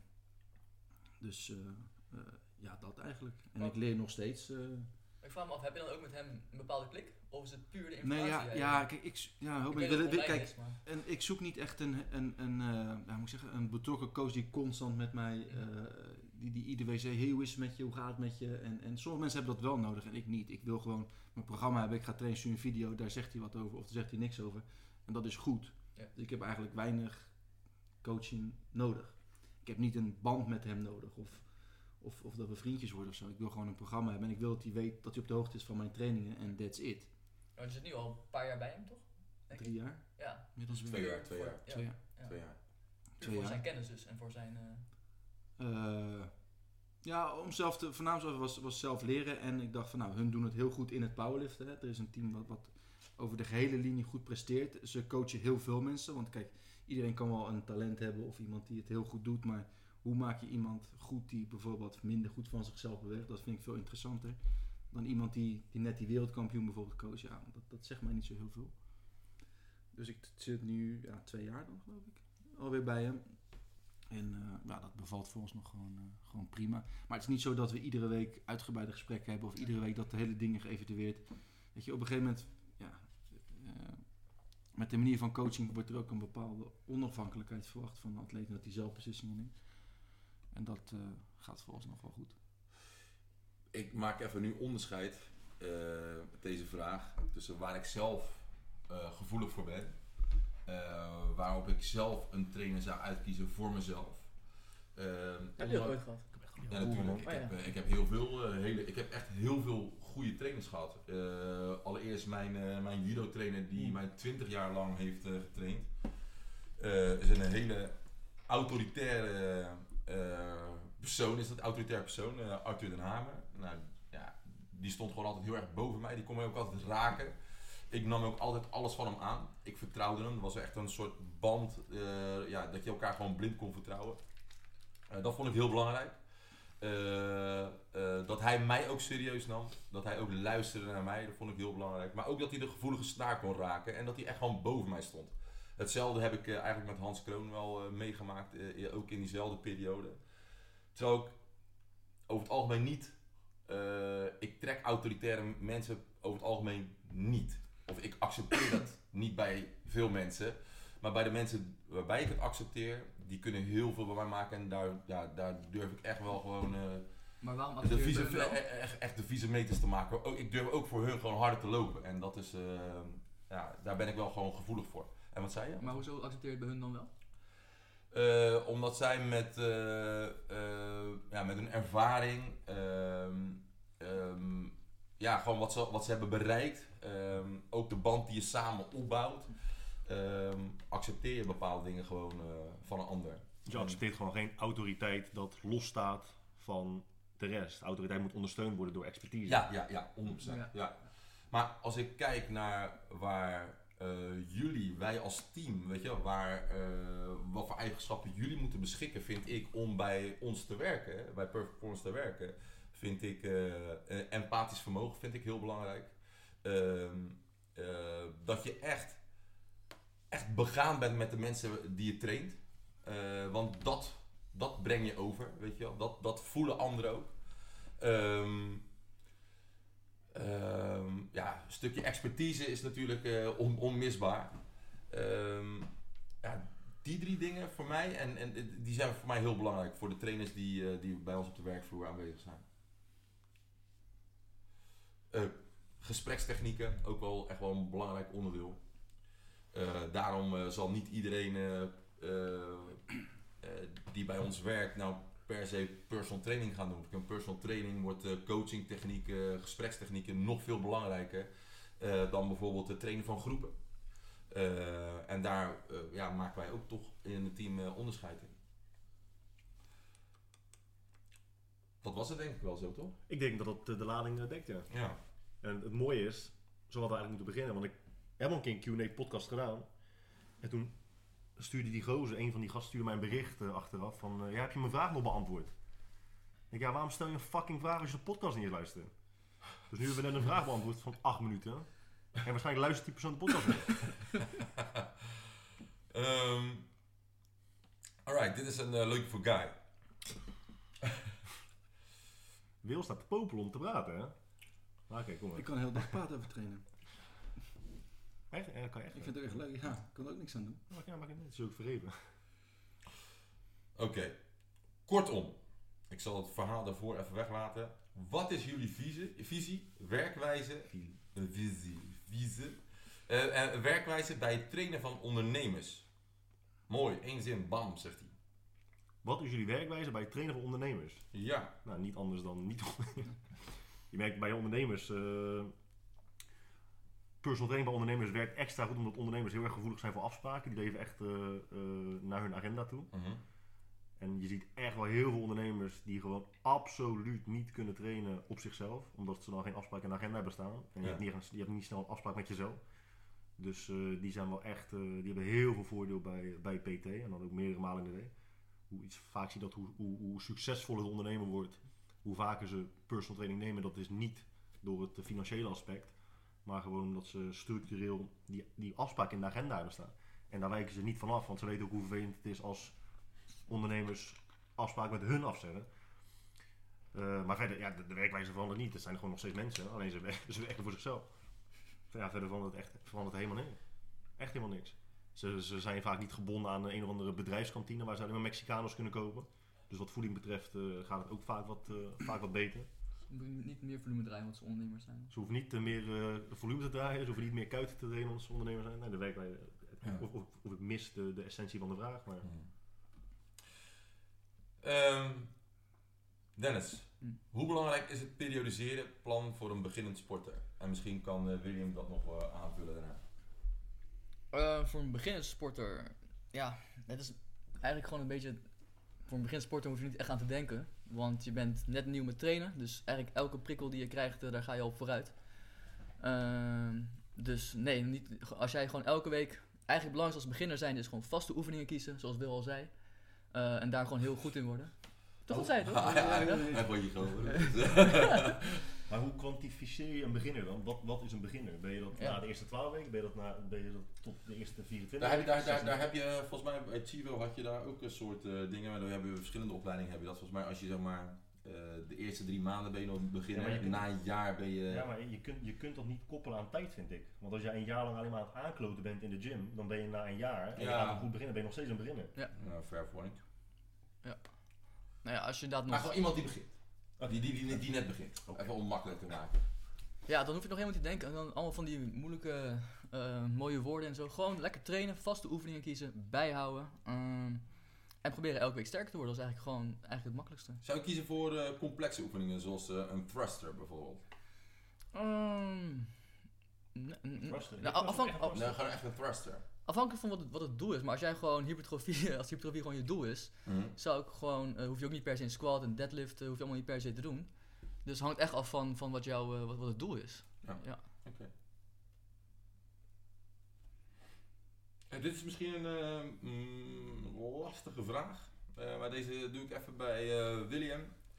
Ehm lipoedeem en zwaar liften. Is dat een goede combo? Lip? Lipoedeem. Ik heb geen idee wat lipoedeem is. Is het een oedeem is een eh, vo- vochtzwelling eh, toestand? Lipoedeem, nou even googelen. Ga ik doen. Lipo. Lipodeem, sorry. Is dat... is dat een been? Wat, ik ken een oedeem, van een oedeembeen ken ik. Ja, dat is het. Mhm. Dat, dat is het. Het is geen lip. Eh, lipodeem betekent letterlijk vetzwelling en staat ook bekend als pijnlijk vetsyndroom. Het is een, een- even wachten. Even opzoeken. Het is een niet vaak voorkomend chronische aandoening van het vetweefsel die voornamelijk vrouwen treft en, het, en meestal pas zichtbaar wordt aan het eind van de puberteit. Het betreft grote hoeveelheden ongelijkmatig verdeeld vet onder de huid van de heupen, dijen, knieën en onderbeen. We hebben een eh, klant gehad die, dat, die, die het had, hè? Ja. Die eh, heeft uiteindelijk eh, een jaar bij ons gesport. Eh, als ik alleen naar haar kijk, heeft het sporten wel zeker bijgedragen, eh krachttraining zeker bijgedragen aan, ehm, eh, aan de pijn. Dat het minder werd en dat ze zich beter voel, voelde daardoor. Maar ik heb, dat is echt mijn enige ervaring met... Nou, ik denk dat zo in algemene lijnen, maakt niet uit wat je hebt, maar is er een, een, een, medisch iets, dan is zeg maar, ja, de arts of fysio is leidend. Dus zegt hij van nou, je mag weer, eh, bijvoorbeeld de arts zegt van nou, die, je mag weer gaan trainen of je mag niet trainen. Dan kunnen wij niet gaan zeggen van nou, je moet wel trainen, ook al zou je dat misschien wel adviseren. Eh, dus dat is heel belangrijk. Eh, maar wordt iemand gekleerd om te trainen, en er zijn voor de rest geen, over, ja, geen afwerkingen om, om ze niet te laten trainen. Zou ik denken dat ze alles kan doen. Kan je testen van nou, hoe gaat het als ze lunch? Hoe zijn, de, zijn er klachten achteraf? Gaat het prima? Eh, en pas daar de dingen op aan. Bouw het rustig op. Ik heb heel wat mensen met medische klachten gehad. En ik heb nooit echt iets gehad dat ik denk van nou, echt helemaal niet trainen is bijna nooit eh, voorgekomen. Maar eh, als trainer overleg met een arts bijvoorbeeld. Of overleg met een fysio. En, en als je zegt van dit mag en dit mag niet. En vaak is wat je te horen krijgt van nou kijk wat gaat. En bouw dat uit en doe het met verstand. En, en, en wat is verstand dan? Is bouw, ja, bouw dingen eh, rustig op en luister goed en eh, ja. eh, doe dat. En dat, is bij, dat zijn bij alle medische, medische toestanden in, het, in algemene zin. En, als iemand gekleerd wordt om te sporten, ga gewoon alsjeblieft zo snel sporten, mogelijk ja. weer sporten en ga sporten. Ik zou wel altijd adviseren, neem als je naar, naar medische kliniek, neem ook wel een personal trainer in de hand die een klein beetje ervaring wel heeft met eh, ja. in dit soort dingetjes. Vraag aan eh, Guy. Eh, wat zijn de voordelen van een low bar squat ten opzichte van een high bar squat? Ja, wij mogen allemaal aanvullen. Jij ook, eh Dan? De voordelen. Ja, toevallig hadden we het net over een vraag die ik had gekregen van iemand over de, de benchpress. En die vroeg, ja, ik bench altijd wijd en nu bench ik sinds kort bench ik smal. En dat gaat eigenlijk veel beter. Alleen het advies wat jullie gaven tijdens de workshop was om eh, je polsen boven de ellebogen te houden. En dat gebruik ik als inleiding omdat een van de basispunten of essentiële punten die mensen vaak vergeten als het gaat om, om het kiezen van een oefening, is oefeningen kunnen wel allerlei voor- en nadelen hebben op papier. Alleen persoonlijke voorkeur is ook echt een hele belangrijke maatstaf. Als ik nu hier zeg van ja, heel veel low bar squatters die zijn eh, eh, eh, heel sterk, omdat de, de hefboom kleiner wordt bij een squat. Dat zou een reden kunnen zijn dat je sterker bent in een low bar squat. En het vervolgens gaan proberen, maar het helemaal kut vinden. Ja, het is niet de bedoeling dat je daar dan aan vast blijft houden, omdat een guy of een Doan of een Bill ooit heeft gezegd dat low bar squat allerlei voordelen heeft ten opzichte van een high bar squat. Dus in de basis wil je ze allebei eerst proberen, kijken wat je prettig vindt, om vervolgens te kijken naar wat eventuele voordelen zouden kunnen zijn. Ehm, want je kunt wel allerlei voorbeelden gebruiken van low bar squatters die fucking sterk zijn, maar gewichtheffers zijn over het algemeen altijd high bar squatters en die zijn ook echt ongelooflijk sterk. Ehm, maar goed, één van de, van de voordelen op papier is dat als jij veel voorover komt tijdens een squat, eh, dat de hefboom vanuit de rug wordt kleiner. Dus de, de, belast, de belasting op de rug wordt in theorie wat lager. Ehm, Maar ja, goed, op, eh, een nadeel is weer dat je meer mobiliteit in de schouder nodig hebt. Omdat je gewoon een heel stuk lager op je rug het, het, het gewicht draagt. Ja, je kan je armen natuurlijk ook. Je kan wel, je kan wel wijder pakken, je kan inderdaad wel wijder pakken. Ja, Eh. geef wat meer druk op je polsen dan. Ja. Dat soort dingen. Maar goed, ik, ik zou eerst kijken naar hoe je van nature het prettigst beweegt. En op basis daarvan de squat kiezen die waarschijnlijk voor jou het beste werkt. In plaats van kijken naar de theoretische voor- en nadelen van de oefening. En op basis daarvan je selectie maken. Want dat is wat de meeste mensen uiteindelijk wel doen. En ik denk niet dat dat altijd het beste eh, uitgangspunt is.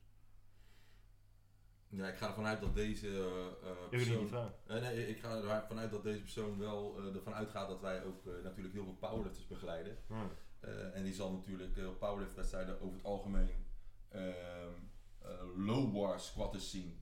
Eh, en geen high bar squatters. Nee, doe maar. Doe maar. Jij, jij mag hem eh, afmaken. Ja, maar Dus is, ik, ik denk dat, het daarop, eh, dat, dat de vraag daarop is gebaseerd. maar dan is mijn vraag dus weer, squatten de meeste mensen, of de meeste powerlifters op zulke wedstrijden low bar, omdat de meeste powerlift coaches zien dat heel veel powerlifters low bar squatten en is dus het advies, ga beter maar low bar squatten? Of worden beide varianten daadwerkelijk altijd getest bij alle atleten? Hmm. Net als dat jullie laatst met, met de wide stands, je ziet bijna mensen wide stand squats doen. En nu test Dennis dat laatst. Toevalligerwijs, ja. Toevalligerwijs komt hij erachter, gaandeweg komt hij erachter dat het, Ja. dat het, dat het prettig voor hem is. Ehm, maar Dat is niet waar, is, ik programmeerde dat. het is niet het er mag best wel gewoon credits van deze kant op. Het is niet het basis. Het is niet dat elke atleet gewoon in allerlei verschillende posities getest wordt. We, we gebruiken algemene richtlijnen en die worden eh, gehanteerd. Ja. Maar in het kader van individualisatie is het dan niet misschien raadzaam om daadwerkelijk alle varianten te testen en dat ook structureel te blijven doen. Ja. Ik, ik vind een voordeel van een eh, low bar squat is dat je veel meer contact hebt met de bar eh, op mijn rug. Ja. Als je Eh, brede, als je brede rug hebt. Ja, vind ik prettiger. Ik vind eh, een klein stukje op mijn nek, weet je wel, wat op, op de bovenkant van mijn traps, vind ik, als ik nu high bar ga squatten, voelt het heel eh, instabiel. Dat ik denk, oh, de bar kan soort van alle kanten op. En dat heb ik met low bar, heb ik gewoon veel meer connectie eh, eh, met de bar. De Ja. proprioceptus is met de low bar voelt veel prettiger Ja. eh, dan, met, ehm, dan met high bar bijvoorbeeld. Maar dat is persoonsgebonden. Ja, want het ironische is dat heel veel mensen, hoor je ook weer zeggen, ook bij onze opleiding, dan gaan ze low bar squatten. En dan zeggen ze, oh, ik heb nu juist het gevoel dat, de bar, dat ik de bar eerder ga kwijtraken, dat ik eerder ga Ja. verliezen. Ja. Terwijl je controle groter Ja. is. Ja, als ze gewend zijn om eh, natuurlijk high bar squats, dan staan ze ook heel rechtop. En dan in één keer moeten ze de bar lager leggen. En dan ben je bang inderdaad dat die... Dat die achterover klapt. Ja, Ja. dat hoor je heel vaak. Ja. Ja. Ik weet trouwens niet wat, wat, wat, wat daar nou ehm, ehm, wat daarvan waar is. Hè? Maar kijk, op het moment dat we low bar gaan squatten, ga je, eh, sorry, ga je verder, ga je verder voorover staan. Dus de, de lastarm op je onderrug ehm, eh, wordt kleiner omdat de bar lager ligt. Maar je komt, tegelijkertijd kom je wel verder voorover. Waardoor eh, er weer dus meer druk eh, Hmm. eh, uitgeoefend wordt op Ja. onderrug. Dus ik weet nou niet in exacte cijfers wat nou minder belast is voor je onderrug. Of dat nou low bar is of high bar. Misschien dat William dat kan aanvullen. Maar ik, ik, ik, ik, ik weet niet de exacte cijfers. Ja, wel- dus ik, ik zou niet durven te zeggen van oké, als je low bar gaat dan verklein je de lastarm. Maar je gaat tegelijkertijd ook weer verder voorover. Dus ja, weet je wel, wat doet dat dan met de druk op de onderrug? Eh, Is dat überhaupt iets waar je naar moet kijken of, waar je, of, of je daar rekening mee moet houden? Ehm, ik denk dat, ja, wat jij ook zegt, vooral moet kijken waar je zelf prettig bij voelt. Hmm. Maar ik denk dat eh, William nog wel wat aan te vullen heeft.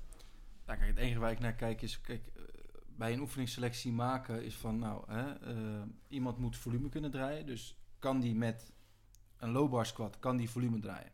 En ik denk dat we genoeg gevallen kunnen bedenken dat iemand bijvoorbeeld drie keer in de week squat, maar drie keer in de week low bar. Zou kunnen zijn dat dan je ellebogen bijvoorbeeld zeggen, Ja. van, ah, dat vind ik niet zo fijn. En misschien kan je dan kiezen voor, laten we beginnen met een high bar squat. Waarom? Want je minder last van je ellebogen. Waarom is dat vervelend voor een powerlifter? Ja, die moet ook daarna nog benchen. Ja. Als jij gaat, beperkt gaat worden met benchen, eh, of in je squat eh, op dag 2 bijvoorbeeld, word je beperkt omdat je maar high bar wil squatten, omdat je, of low bar wil squatten omdat je denkt dat het beter is, dan, ga je eigenlijk, ja, dan ben je eigenlijk je training aan het saboteren. Dus ik kijk altijd van, nou, kan iemand volume draaien met een variant? Eh, en gaat dit pijnvrij en zijn er geen beperkingen in de training? En daarbij wordt feedback die je krijgt van mensen is wel heel belangrijk. Ik doe zelf bijvoorbeeld nu veel waarom ik vind het een leuke variant. Het is een specifieke variant. En eh, met drie keer in de week low bar liep ik er iedere keer wel na een aantal weken tegenaan dat mijn ellebogen, Ellebogen. polsen klachten gingen geven, waardoor ik weer minder kon benchen. Ja. Kijk, en dat is voor mijn trainer als een indicatie zeggen van... hé, hey, we gaan wat experimenteren met een andere variant. Eh, bijvoorbeeld de pin squat had ik ook. Dat vind ik eigenlijk nog steeds een van... die heeft met mijn squat het meest geholpen. Maar moet ik reps gaan maken met pin squat... bijvoorbeeld zesjes... dan gaan mijn pols en elleboog vinden dat ook niet fijn. Die heb ik ook staan dat mijn biceps ging irriteren. Maar bijvoorbeeld singles maken met een pin squat... dat gaat weer wel goed. En Ja. zo kom je steeds... Naar, ga je toe naar een individueel programma... wat bij jou Ja. past en waar jij volume mee kan draaien, pijnvrij en wat je consistent kan volgen. Er is Oké. niks zo irritant als altijd maar pijn hebben. Ja. Of altijd maar geïrriteerd Oké, zijn. maar dit, dit, dit, is, jij beantwoordt hem voor een powerlifter. Eh, maar nu voor een beginnende sport. Ik bedoel, wij hebben eh, in de gym hebben we zeg maar zeg 20, zeg 20 powerlifters lopen, misschien 25. We hebben vervolgens nog 100 andere mensen die we ook laten squatten. Als jij start, start je dan met een high bar squat met een beginner of ga je met een low bar squat eh, eh, starten? En wat zijn je beweegredenen om dat te doen? Begin ik bij jou. Ehm, nou ja, inderdaad. De persoon die dan gaat squatten moet gewoon eigenlijk eh, goed bewegen. En als het met een high bar is, dan is het met een high bar. Is het met een low bar, is het Maar waar, maar waar begin jij mee? Ik bedoel, als iemand zeg maar leeg, Ik- weet je, leeg eh, bar, je gaat de eerste dag squatten, hoe pak je dat aan? Nee, ja, nee ik, ik- waar ik mee begin, is, ik kijk eerst gewoon wat hun zelf prettig vinden. Dus, eh, nou, ik heb eh, een klant van mij die heeft de bar, had hij heel laag. En dat, waarom hij dat deed, wist hij niet. En al mij is het heel onhandig, zag er heel onhandig uit. En dan ga ik wel zeggen van, nou, luister, laten we eens wat hoger pla- plaatsen. Ja, plaatsen we wat hoger.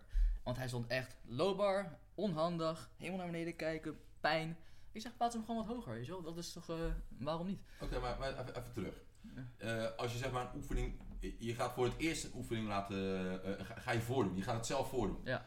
Laat je het dan high bar zien of laat je het dan low bar zien? Ehm, dan laat ik het low bar zien, omdat ik dat zelf gewend ben.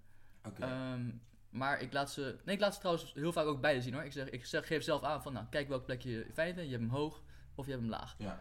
Eh, dus dat, dat doe ik dan, ja. ja. Kijk, ik begin gewoon standaard bij iedereen, eh, tenzij je een powerlifter bent, high bar. Het is voor mij toegankelijker. Ze hebben dus minder stress op de ellebogen, schouders. Het is een, eh, een lekkere instap squat. En gaat dat goed, kan je gaandeweg kan je techniek aanpassen. En dat is, dat is mijn beweegreden om voor een high bar te, te kiezen. Ze blijven, blijven ook wat rechterop. Eh, ze hebben niet het gevoel dat ze voorovervallen. De meeste mensen die, die het doen, ook afhankelijk van je verhoudingen. Maar ik kies wel bewust voor een high bar. Eh, heb jij... eh, Nee, nee, ik laat hem meestal eh high bar zien. Waarom? Omdat ik een beetje stijf ben. als, ik niet warm ben als ik niet warm ben, dan kan ik geen eh, low bar doen. Maar kijk, in, als, ik- als ik iemand een eerste keer laat squatten, dan laat ik even een, een basic squat zien. En dan laat ik ze squatten. En dan geef ik ze ook vrijheid om gewoon even te squatten. Ik ga niet gelijk mensen losgooien met allerlei cues en dingen. Ik laat ze gewoon in ze bewegen. Kijk, dat eerste half uur squatten in zijn leven, dan moet, ja, als je de eerste keer in beweging doet, dan is alles onwennig. Ja, ze gaan van ja. links naar rechts. ja. Maar soms als je iemand eventjes, weet ik wat, drie setjes van 10 laat maken, bij de derde set gaat het al veel beter zonder dat we heel spannend aan het coachen zijn. Laten we daar eerlijk in zijn. Dat is gewoon de motor learning skills. Ik weet niet hoe je het Nederlands zegt, maar gaandeweg ga je wel gewoon beter bewegen. En Ja. dan moet je lichaam eventjes de trigger hebben van, goh, zie- kan het er redelijk uitzien. En dan ga je een beetje coachen. Ja. Dan ga je heel langzaam zeggen van, nou, probeer eens dit, probeer eens dat. Ja. Maar maak het vooral niet te moeilijk. Laat ze gewoon lekker eh, eh, squatten. Tenzij er iets denkt van, nou, dat zou misschien gevaarlijk kunnen zijn. Dan zeg je van, nou, we gaan het niet doen. We kiezen voor een andere variant. Ja. Maar de meeste mensen kunnen wel, ja, als je een bar op z'n rug hebt, dat gaat wel. De, de, de volgende vraag is, eh, is een leuke voor, van eh, Rockstar eh, Ricky. Die kennen wij wel van, vanuit de powerliften. Wat zeg je? Nou, jullie, jullie kennen misschien, misschien Dennis wel. Als je hem ziet, ken je hem Oh, wel waarschijnlijk wel. Leuk gozer. Hij is niet van Rockstar, dat is Oh. wel een grote plus. Nee, ja, ik kan hem niet openen. Oh, wacht. Ja. Nee. Nee. Top. Nee, dat gaat niet, maar ik kan hem nu laten zien. Maar hij heeft een vraag, die stel ik eerst aan jou. Oh. En daarna stel ik hem aan Guy, omdat ik denk dat hij deze vraag heel vaak, deze, ja, zo'n issue echt gewoon heel vaak eh, heeft op de werkvloer. En dat is dit. Hoe kan je als beginnende coach opboksen tegen alle, al die evidence-based trainers? Cliënt zegt, maar hij zegt dit of dat. Wacht even, ik kan nog een keer. Eh, cliënt zegt, of klant zegt letterlijk, maar hij zegt dit of dat. Dus iets wat afwijkt van wat jij zegt. Oh, hoe box je daar tegenop als beginnende trainer? Als we kijken aan, aan tafel, ben jij degene met de minste ervaring? Ja. Ik doe dat eh, eh, eh, minst lang van van ons allemaal, denk ik. Ehm, Waarom ben ik nog als tweede aan de beurt? Eh, omdat ik eerst eh, aan een beginnende, tenminste een beginnende trainer wil vragen. En ik zei begin, hij doet het nu ook al jaren. Maar ik ben wel heel benieuwd hoe jij daar in het begin mee bent omgegaan. En dan ga ik aan een ervaringsdeskundige vragen. maar Eh, mag, mag ik even, want ik, ik snap de vraag niet precies. Want hij zegt, ik, ik snap de vraag wel, maar de hij in deze context is dus de evidence-based trainer. Want hij zegt, hoe box je op tegen evidence-based trainers? Want cliënt eh, nee, dit, ja, gewoon, gewoon ja, maar, hij, maar hij zegt, en de hij in die context is dus een evidence-based ja, trainer. Ja. Oké, maar is dan ook de aanname in deze vraag dat wij geen evidence-based trainers zijn? Nee, la, la- laten we splitsen. Je bent een beginnende trainer. Ja. En eh, je hebt eh, met eh, klanten te maken die zeggen, ja, maar die trainer zegt dit of die trainer zegt dat, wat afwijkt van wat jij adviseert. Hoe ga je daarmee om? Ik denk dat dat de vraag is. Mm. Ja, jammer. En daarna gaan we met evidence-based. We gaan hem eerst splitsen. Maar dus dan, dan wil het zeggen dat ik niet evidence-based ben. Dus dat ik dus Nee, eigenlijk los niet van eens dat, zijn. dat, dat, dat laten we even achterwege. Die ga ik aan eh, William overlaten. Ik wil eerst, hoe ga jij als coach als om met klanten die zeggen van ja, maar die trainer zegt dit. Ja, ik heb van mijn vorige trainer dat gehoord. Ik, eh, eh, eh, mijn vriendin heeft een trainer en die zegt weer dat. Hoe ga jij daarmee om? Ehm, als begin. Op type nou. Ja, weggewezen. Nee, ik heb je hard nodig, man. nee, dat gaan we maar gewoon doen dan. Nee, ja, even na te denken of ik dat ooit heb eh, meegemaakt. Mm, ik heb al gehad toen ik Tuurlijk wel, begon. tuurlijk wel. Ja, Ja, ja, ja. Je, je hebt klanten die zeggen van ja, ik doe nu dit, ik doe nu dat. En, eh, of eh, eh, jij zegt dat ik dit moet doen, maar ik lees dat dit beter is. Ja, Hoe ga je daarmee om? Stel iemand zegt ik wil mijn benchpress verbeteren en eh, de evidence-based Ja. trainer zegt dat ik eh, ring push-ups moet doen. Dat is een eh, range of motion is goed. ja. Dan hangt zo'n ding op mijn buik. Dus mijn core activatie is ook nog wat beter. De cuff moet beter. eh, die- Ja, ja, ja, ja gesloten keten. Ja. Dan moet ik zeker voor de... Ik moet ring push-ups gaan doen. Want ik wil meer gaan benchen. Kan maar één uur livestreamen. Hm. Bij de twee doen? Ja. Ik zit even na te denken. Of, of, ik zou eerst zelf nadenken of ik dat zelf heb meegemaakt. Of ik eh, een keer iemand gehad heb. eh, We zijn weer live. Ik kom, ik, lo- ik kom lo- bij jou trainen. Ik wil, ik, wil, van- ik wil ring push-ups doen. Voor mijn benchen verbeteren. Wat zou je dan zeggen? nou ja, als, als, we- als je als. Doe even de vraag opnieuw, want we zijn Oké. de laatste 10 minuten. Je kan maar één uur opnemen. Rockstar Ricky die kwam met een eh, goede vraag, als in hoe ga je als beginnende coach om met klanten die eh,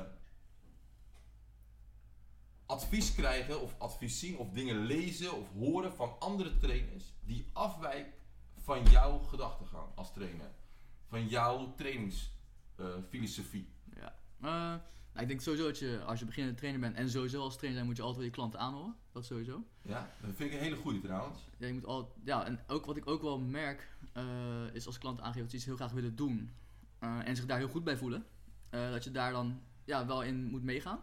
Eh, maar misschien kan je dat wel draaien naar iets dat dan wat wel meer bij jouw filosofie past. Ehm, Maar, Ja, stel je, maar stel je voor dat het, iets, dat het echt afwijkt van hoe jij naar training kijkt of hoe jij naar voeding kijkt. En hoe, weet je, ik vind niet dat je als eh, trainer, eh, als expert, eh, continu mee moet gaan met nee, je, nee, met je zeker klanten. niet. Dus zeker niet. weet je, het wijkt af van jouw filosofie. Hoe ga je er dan mee om? Dan is het aan jou de taak om, om, om, hem wel te, om hem te overtuigen. Dan moet jij dus wel, jij moet wel goed je verhaal klaar hebben om te zeggen waarom dat dus niet goed is of waarom jij kiest voor een bepaalde oefening voor die persoon. En ik denk dat het heel belangrijk is. Ehm, Zou je ook vragen waarom je, eh, ehm, eh, waarom je klant denkt dat het advies wat hij krijgt van een ander, eh, of, of hij dat meer vertrouwt dan jouw advies? Zou je dat niet vragen?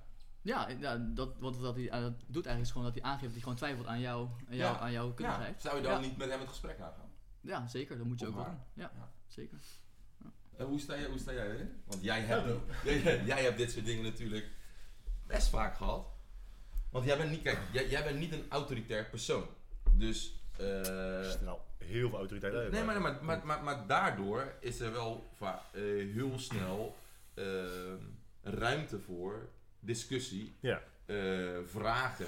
eh, eh, hoe ga jij er dan mee om? Nou, eerst even vanuit het perspectief van een beginnende trainer, want dat Ja. was de vraag. Ja. Ik denk als beginnende trainer is het heel belangrijk dat je je realiseert dat je een beginnende trainer bent. Dus dat het nog wel eens zo kan zijn dat de ander in dit geval gelijk heeft. Een hele goede aanvulling. Ehm, dus als, als ik als starter te horen zou krijgen van ja, maar die en die, die zegt zus en zo, dan zou ik eerst denken, nou, dat, dat zou wellicht nog eens wel waar kunnen zijn. En daar zou ik eerst onderzoek naar doen. Eh, op dat moment weet ik niet of ik gelijk zou toegeven aan eh, wat, wat hij of zij eh, gehoord heeft. Dat, dat durf ik nu niet te zeggen, waarschijnlijk niet. Ehm, en daarnaast is het ook wel zo, je hoort heel vaak dat de ehm, cliënt de schuld krijgt. De cliënt wordt dan als eigenwijs of koppig bestempeld. Maar het kan natuurlijk ook gewoon zo zijn dat jij niet overtuigend bent. Ik bedoel, heel veel dingen in het leven zijn gewoon een sales pitch. En ook jouw, jouw denkwijze over krachtsport overbrengen bij je cliënten is ook een sales pitch. Het is, je moet overtuigingskracht hebben. En je kunt wel zeggen, ja, maar volgens dit en dat onderzoek blijkt zus en zo. Als jij dat niet overtuigend brengt, ja, dan, dan kom je ook gewoon nergens. Dus in plaats van altijd cliënten maar als koppig en eigenwijs bestempelen, is het ook wel handig om aan je eigen overtuigingskracht te werken. Eh, en dus leren wat mensen raakt. En de meeste mensen zijn niet heel erg gevoelig voor. Ja, maar uit onderzoek blijkt dat dit en dat. Daarom zijn heel veel commerciële trainers geen evidence-based trainers, maar volgens velen wel nog steeds succesvol. Eh, en dan kijk je puur naar hoe ze het financieel doen. Ja. Eh, en hoe ik er nu mee omga, ja, nu, nu, is het, nu komt het eigenlijk bijna niet meer voor. Bij eens met kleine dingetjes. Alleen de meeste, men, de meeste dingen heb je wel heel snel eh, van de baan. Ik bedoel, als je laatst nog bij ons kijkt toen we die eh, clinics hadden voor Achmea. En we gaan feiten en fabels behandelen. Ja, je bent nu wel op het punt in je carrière, als je het zo wil noemen, dat mensen wel gewoon aannemen wat je zegt. En, het kan, en, en kijk, het kan ook nog zijn dat als, als eh, ik iets zeg en vervolgens zegt de persoon, ja, maar Doan zei laatst dit en dat. Dat kan natuurlijk ook nog steeds. En dan kun je ook gewoon je ongelijk toegeven. Dat, dat kan ook. Dat is ook echt helemaal niet iets om je voor te schamen. Nee. Dus ja, het ligt er ook aan wie de andere trainer is in dat geval waar ze eh, van hebben gehoord. En dan gaan we hem eh, breder trekken naar evidence-based. Dus je bent een beginnende trainer en een andere evidence-based trainer die heeft eh, eh, bepaald advies eh, eh, uitgebracht waar jouw cliënt dan eh, mee te maken heeft. Die, die gaat dan twijfelen aan jouw advies. Ehm, hoe ga je er dan mee om? Ehm, nou, kijk, kijk je, je kan nooit ten alle tijden op de hoogte zijn van alle eh, eh, nieuwe onderzoeken of weet ik wat. Hè? En, en inzichten eh, veranderen ook. En als je kijkt naar onderzoek is heel vaak... Kijk, als je kijkt naar mensen waar ze op reageren...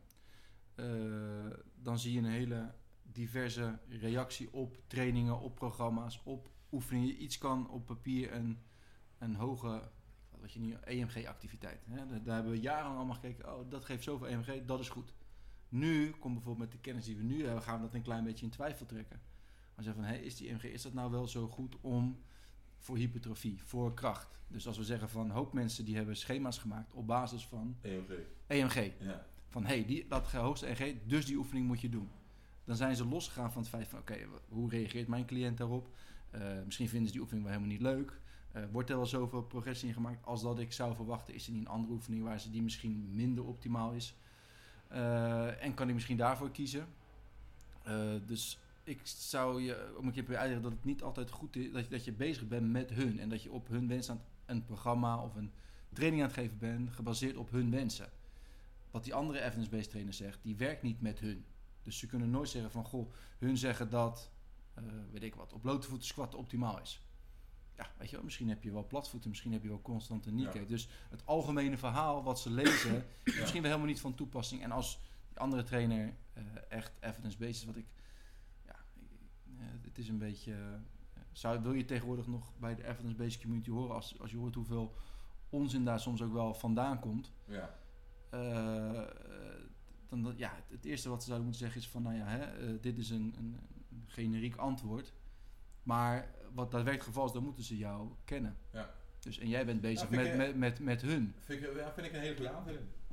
Ik denk dat de vraag zo ook heel volledig is beantwoord. Ehm, ja, dit vind ik.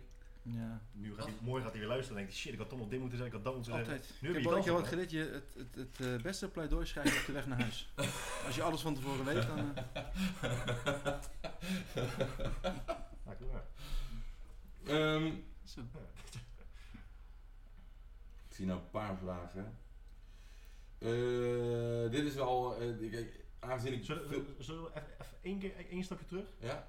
Is het, is het, zouden jullie adviseren om op dit punt in de fitnessindustrie, in de branche, nog steeds jezelf te profileren als evidence-based trainer?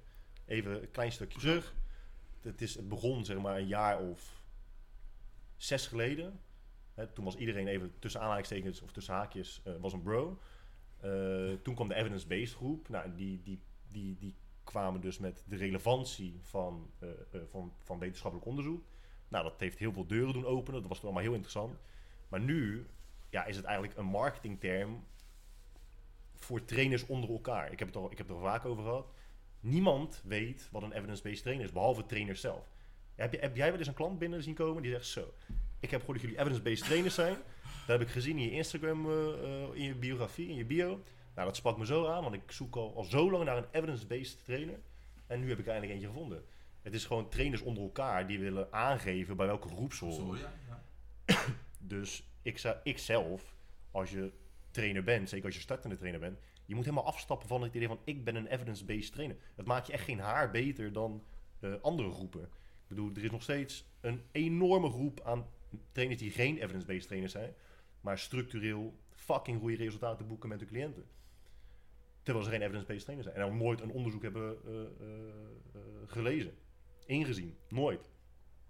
Nou kijk, eh, als we nou heel eerlijk zijn, eh, wij waren toen al trainers, toen evidence-based, evidence-based eigenlijk wel, ik, ik bedoel, jij bent zelf een Fa- Facebookgroep gestart destijds voor evidence-based trainers. Daar was jij onderdeel van.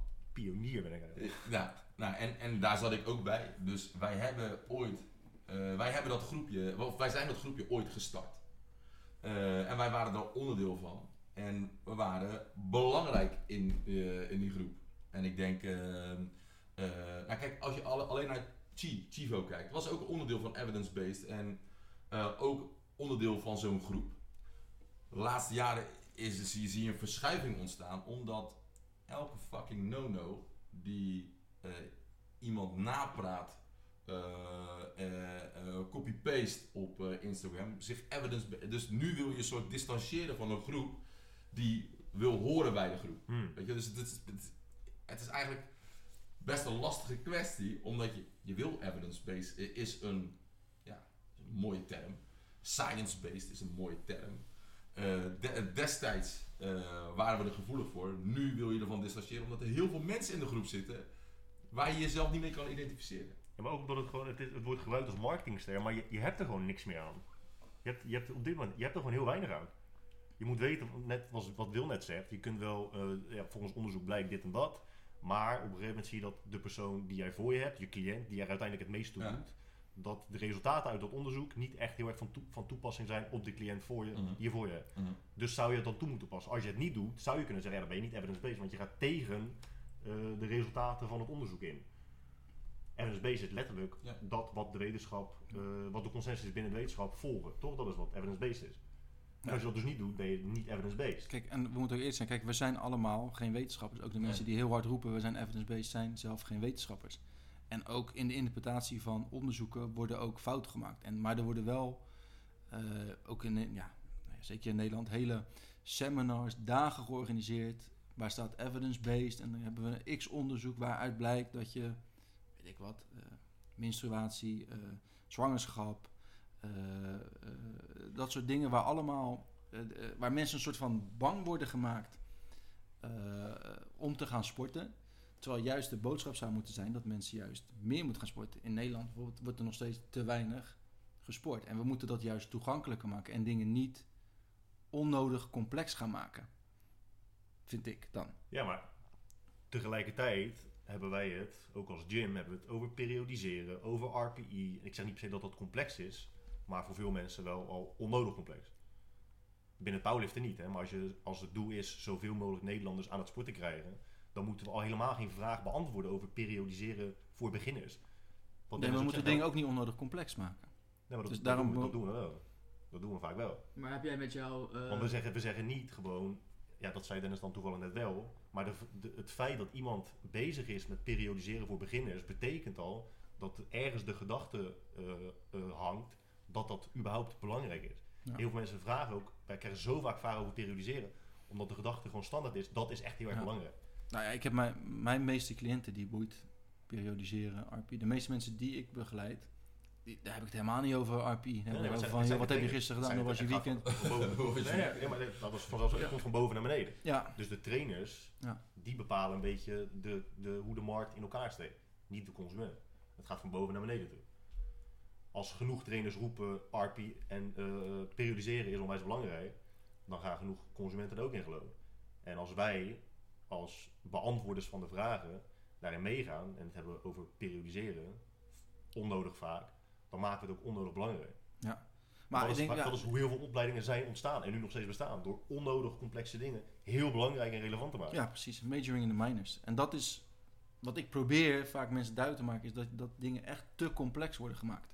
Hele screeningsprotocollen en dat, dat, ja. Ik neem dan ook geen blad voor de mond en ik vind ook dat je best als fitness professional, community, weet ik wat, mag zeggen als je zegt van nou, daar ben ik het niet mee eens. Ik zou willen dat veel meer trainers zouden zeggen van joh, hier kan ik mij niet in vinden. Maar vaak zie je toch dat mensen clubjes met elkaar gaan vormen. En van nou, hoe kunnen we commercieel wat aan elkaar hebben, waardoor we minder kritisch worden naar elkaar. Terwijl juist, als je ze hoort, dan is het net alsof ze juist heel kritisch zijn. En ze durven zich dan toch weer niet te distancieren of niet een stelling in te nemen. Terwijl het misschien wel zou moeten. En we moeten juist, iedereen, iedereen tegenwoordig wat zeggen, ja, we moeten kritisch zijn. We moeten ook, je- ik moet kritisch zijn naar mezelf, ik moet kritisch zijn naar anderen. Maar er zijn maar heel weinig mensen echt Kritisch zijn. echt kritisch, weet je. Oké, dat onderzoek over, weet ik wat, ik noem weer menstruatie. Hebben we nou echt daadwerkelijk genoeg data om te zeggen dat we daar zo'n ding van moeten maken? Eh, kijk, we vallen ook allemaal, ik zelf ook in een valkuil dat we bijvoorbeeld slapen. Iedereen zegt slaap is belangrijk. Maar wel de valkuil zit dat mensen nu heel erg bezig zijn met hun slaap en dat ja. optimaliseren. En ze schieten helemaal in paniek als ze een nacht zegt, ja, ik heb gisteren niet geslapen. Ja, nou moet ik gaan trainen, wat moet ik doen? Kijk, terwijl 20 jaar geleden was het niet, zeg dat het beter was. Maar als je een keer een nachtje slecht geslapen ging je aan trainen, nou, het is wat minder gaan. Misschien is het hetzelfde gegaan. Dus we maken, wij, ik ook, heb meegewerkt aan heel veel onnodige problemen creëren voor mensen door de nadruk te leggen op dingen zoals slaap, stress, dingen. Niet rekening houden met de valkuil die daar weer bij hoort. Maar moet je dan helemaal niet noemen? Of moet je benoemen? Of moet je dan de nuance Nou, kijk, je kan natuurlijk best zeggen, uit onderzoek blijkt dat slaap belangrijk is. Maar je kan ook zeggen van, goh, kijk, die onderzoeken hè, worden mensen gedaan, die worden drie, vier weken gemonitord. En dan wordt er gezegd van, nou, hè, dan is er iets wat prestatievermindering. Maar in het grote plaatje van een jaar trainen valt het allemaal wel mee. Dus dat wil niet zeggen dat als je een nacht je slecht geslapen hebt, dat er dan iets heel erg fout gaat in je lichaam. Hmm. Dat Ja. dan al je hormonen van slag zijn, of dat je ineens niet meer kan trainen, of dat je ineens... Dus je moet het ook wel mensen uitleggen van, goh, het is, eh, ja, het, het is wel belangrijk, maar ook weer niet zo belangrijk dat, dat je er iedere dag mee bezig moet zijn. Nee, ik denk dat je als trainer gewoon daar bewust van moet zijn. Dus je moet inderdaad weten wat de gevolgen kunnen zijn, maar niet je klanten dat allemaal opleggen. Ja. Dus eh, ik denk dat ik misschien al mijn klanten misschien maar denk vijf of zes waarbij ik RPI hanteer en eh, periodisering en al die mooie termen. Nou, RP Maar is wel heel rest- belangrijk, dat moet iedereen doen. dat is een uitzondering. Als je bij elke klant vraagt wat is RPI, wat denk je? Nee, ja, dus ik heb echt de meeste klanten gewoon lekker trainen en niet te veel, eh, niet, niet te moeilijk maken. inderdaad. Nou, gaan we door naar de volgende vraag. Die vraag ehm, eh, zal ik beantwoorden. Hoe kun je het beste startsnelheid en wendbaarheid trainen door middel van krachttraining? Ehm, Tillen. oh, tillen, sorry. Eh, ehm, nou ja, ik denk dat hier ook een eh, misvatting ontstaat als het gaat om wendbaarheid en startsnelheid. Dat je heel veel agility drills eh, voorbij ziet komen. Of het nou YouTube is, of het nou Instagram is, eh, of Facebook. Je ziet heel veel eh, danspasjes voorbij komen. Eh, waar mensen, ja, waar trainers van overtuigd zijn dat dat echt ervoor gaat zorgen dat ze sneller uit de startblokken komen. of wendbaarder worden. Terwijl ik geloof echt in de, in, de, in de kracht van krachttraining.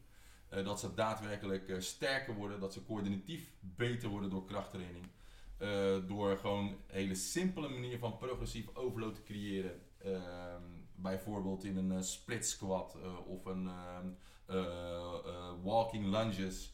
Lunges, ik zei hem gewoon net. Ja, ja, ja. Zie je? Dus ja, weet je, eh, o- o- o- of, bijvoorbeeld een hip thrust te gebruiken door het concentrische deel in ieder geval wel gewoon explosief te doen.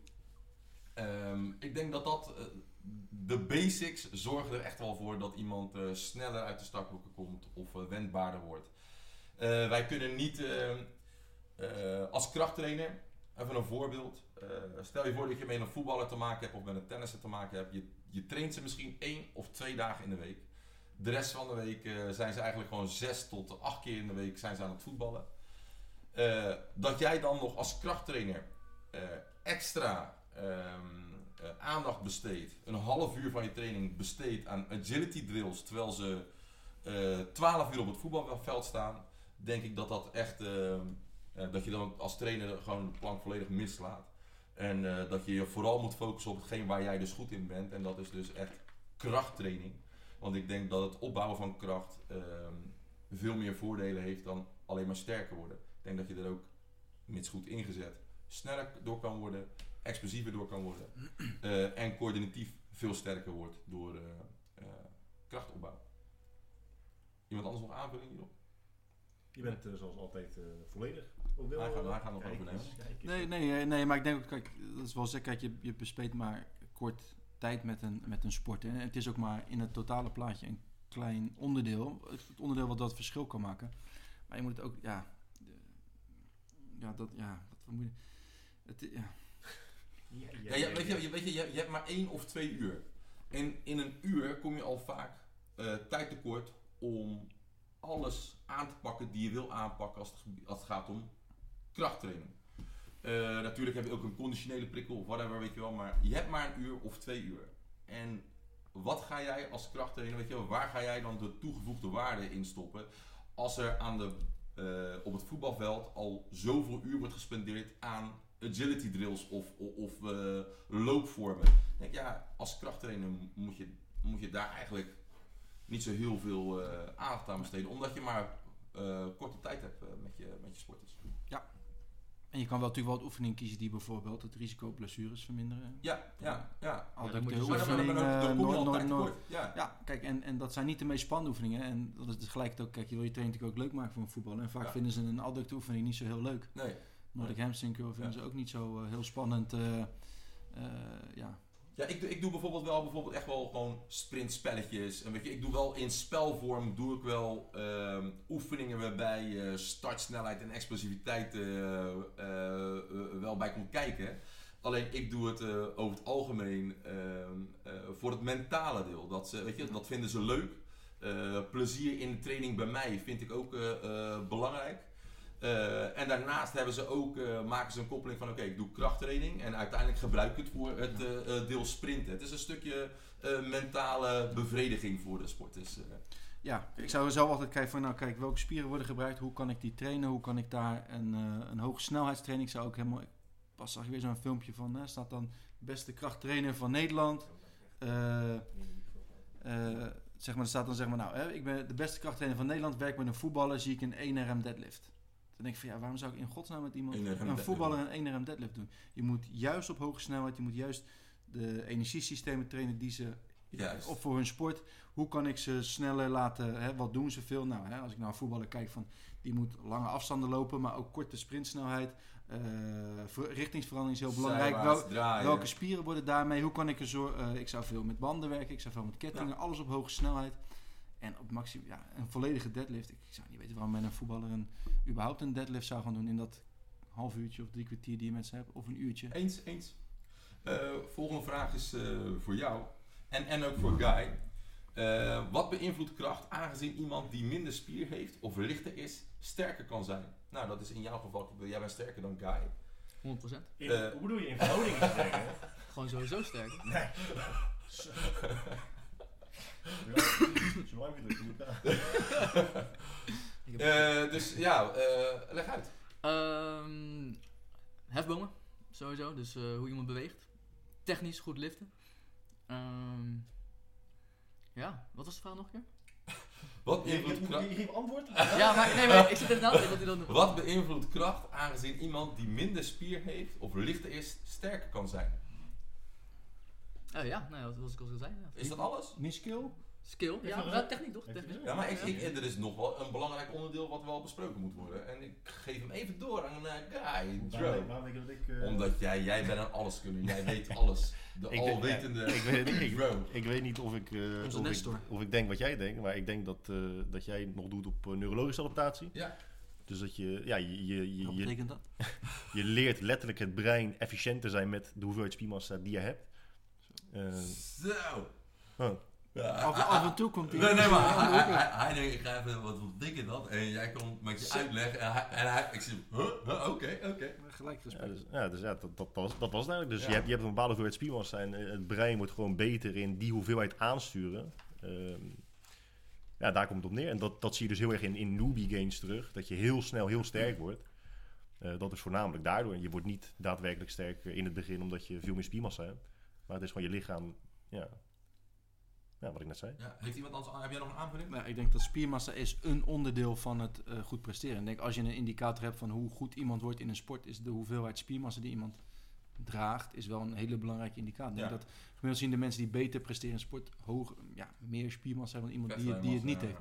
Zegt het alles? Nee. Er is altijd weer iemand die zeg maar die op het oog weinig spiermassa heeft en die bijvoorbeeld sterker is. Waarom kijk je mij dan aan? Dus maar ik zou altijd wel het streven, als ik een, een sporter zou trainen, of nou een powerlifter, een voetballer, zou wel het streven zijn om, de, de, de- om, om wel wat spiermassa eh, Ja. eh, te Dat is een kweken. belangrijk onderdeel. Wat zeg? Eh, nee, ik moet plassen man zo meteen, dus Ja. ik, ik wacht wel met... eh, En dat, ik zou denken dat de, kijk, de potentie voor goed worden in sport heeft wel te maken met de hoeveelheid spiermassa die je mee eh, kan dragen. Zeker belangrijk. Ja. Alright, ik heb nog eentje. Eh, die eh, kunnen we ook met z'n allen beantwoorden. Eh, dit is eh, van Richard. Eh, is een goede powerlifter. Bel. Nee, niet wel. Ehm, hij heeft, ehm, even kijken.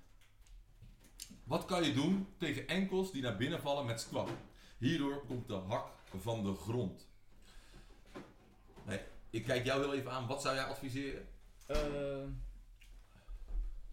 afhankelijk van wat je, als je gewoon in de sportschool bent en je komt er dan achter, kan je inderdaad iets gebruiken om je hak. Dit, dit is een, erva- dit is, dit is Oh, een redelijk kan je- ervaren Maar dan kan je denken aan schoenen. Dus, eh, oké, schoenen, schoensel. En dan, dan zou je denken aan een hakverhoging. Nou, ik denk dat hij daar wel over heeft nagedacht. Ehm, aangezien die eh, tweede, tweede is eh, tot 83. Oké. En bij de junior is die kampioen volgens mij.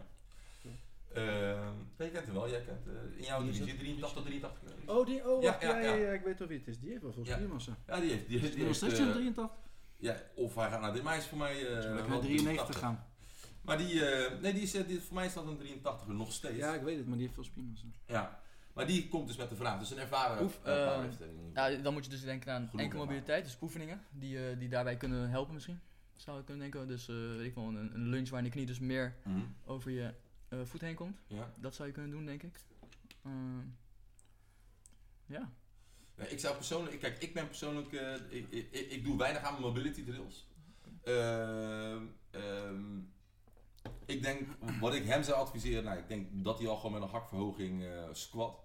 Maar ik zou vooral werken met eh, wat hij doet met zijn voeten in zijn schoen. Eh, splijt hij de vloer open, weet je splijt de vloer open. Probeer echt gewoon zo, een soort te, te, te voelen met je voet wat je doet. En ik denk dat met open splijten kan je al best wel, de vloer open splijten, kan je al best wel veel creëren. En de vraag is ook, weet je je moet hem ook eigenlijk zien bewegen, weet je wel. Wanneer, eh, welk deel van de squat eh, komt zijn hak eh, los? Is dat, weet je wel, helemaal op het diepste punt?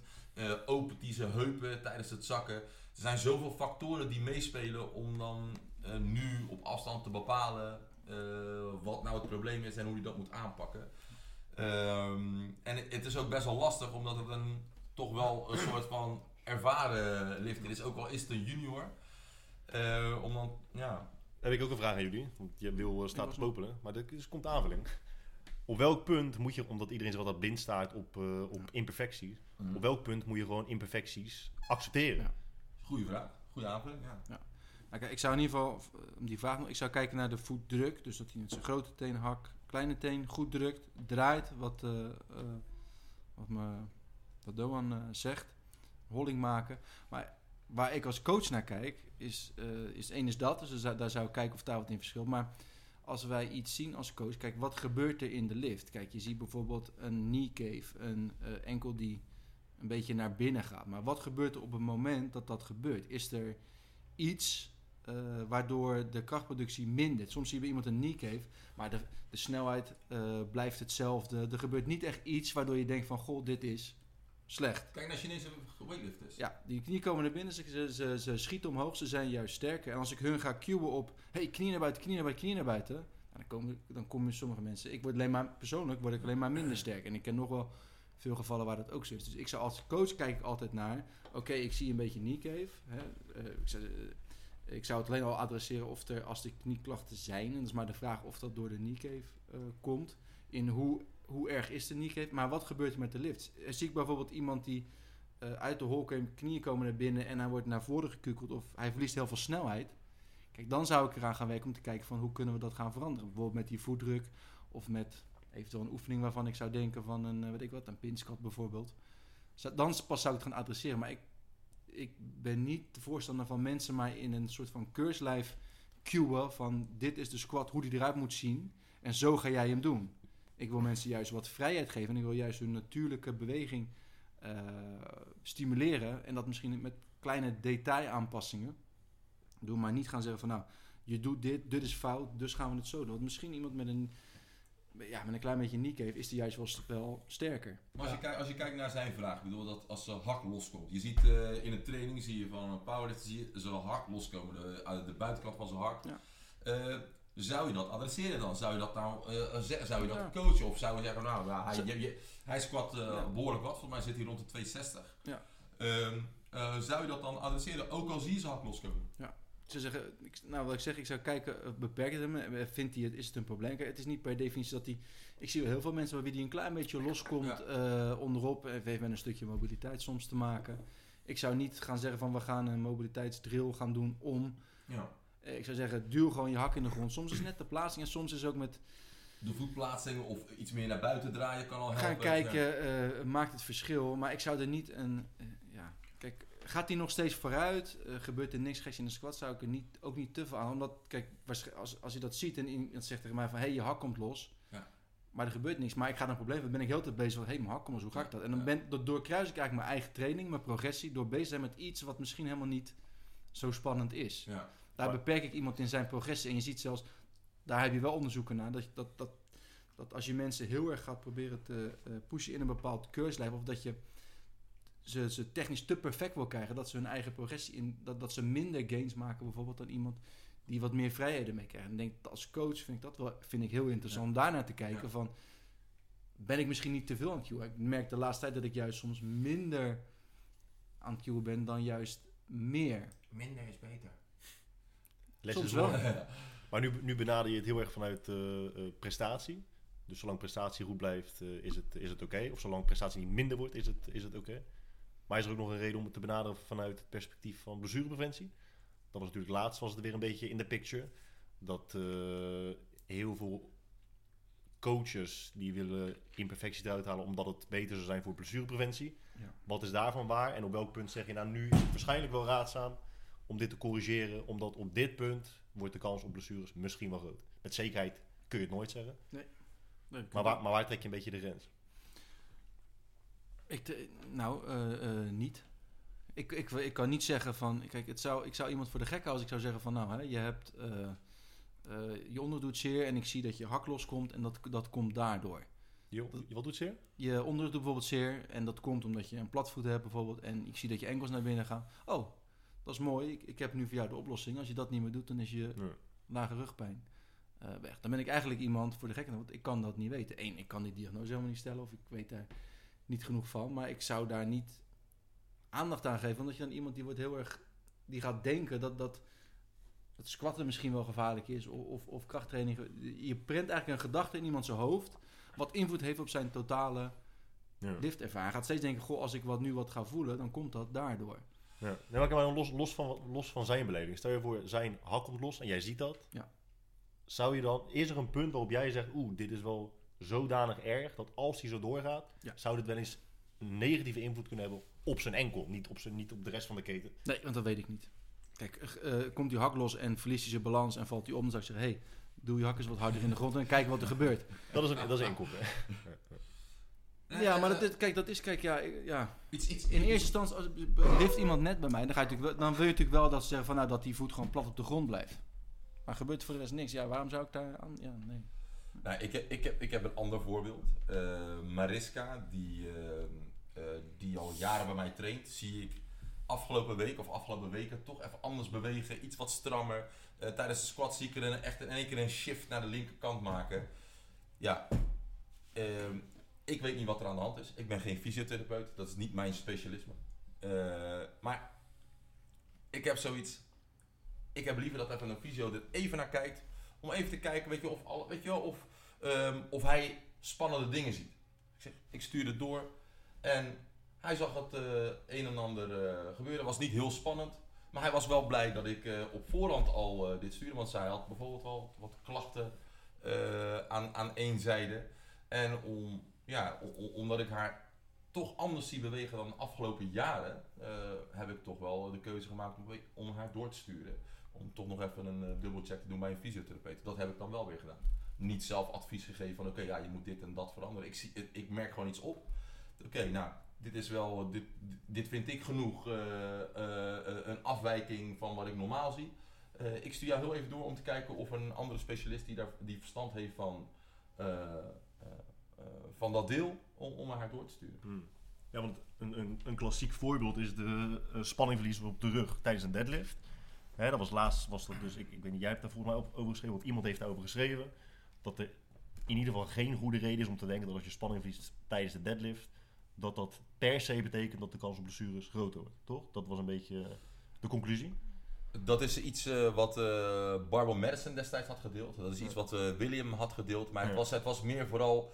eh, het ging vooral om eh, bangmakerij. Dat Ja. Als je zeg maar tilt met een bolle rug, dat dat eh, heel schadelijk zou Ja. zijn voor je rug. Maar wat, wat ik me dan afvraag, het- kijk, het is, op dat moment is het, een, is het een, een momentopname. Hè? Dus stel je voor, je, je hebt nu een atleet en die, en die, die deadlift met een bolle rug, of een, een rug die steeds boller wordt tijdens de lift. De aanname is wel dat die persoon steeds sterker gaat worden, dus de load wordt ook steeds groter. Blijf, blijf je het altijd accepteren? Is er nooit een punt waarop je zegt, nou, is, is het gewoon aankijken en hopen dat het nooit daadwerkelijk een negatieve invloed heeft? Er moet ergens een grens zijn waarop je zegt, nu is het niet meer aanvaardbaar. Of waarschijnlijk niet raadzaam om te doen.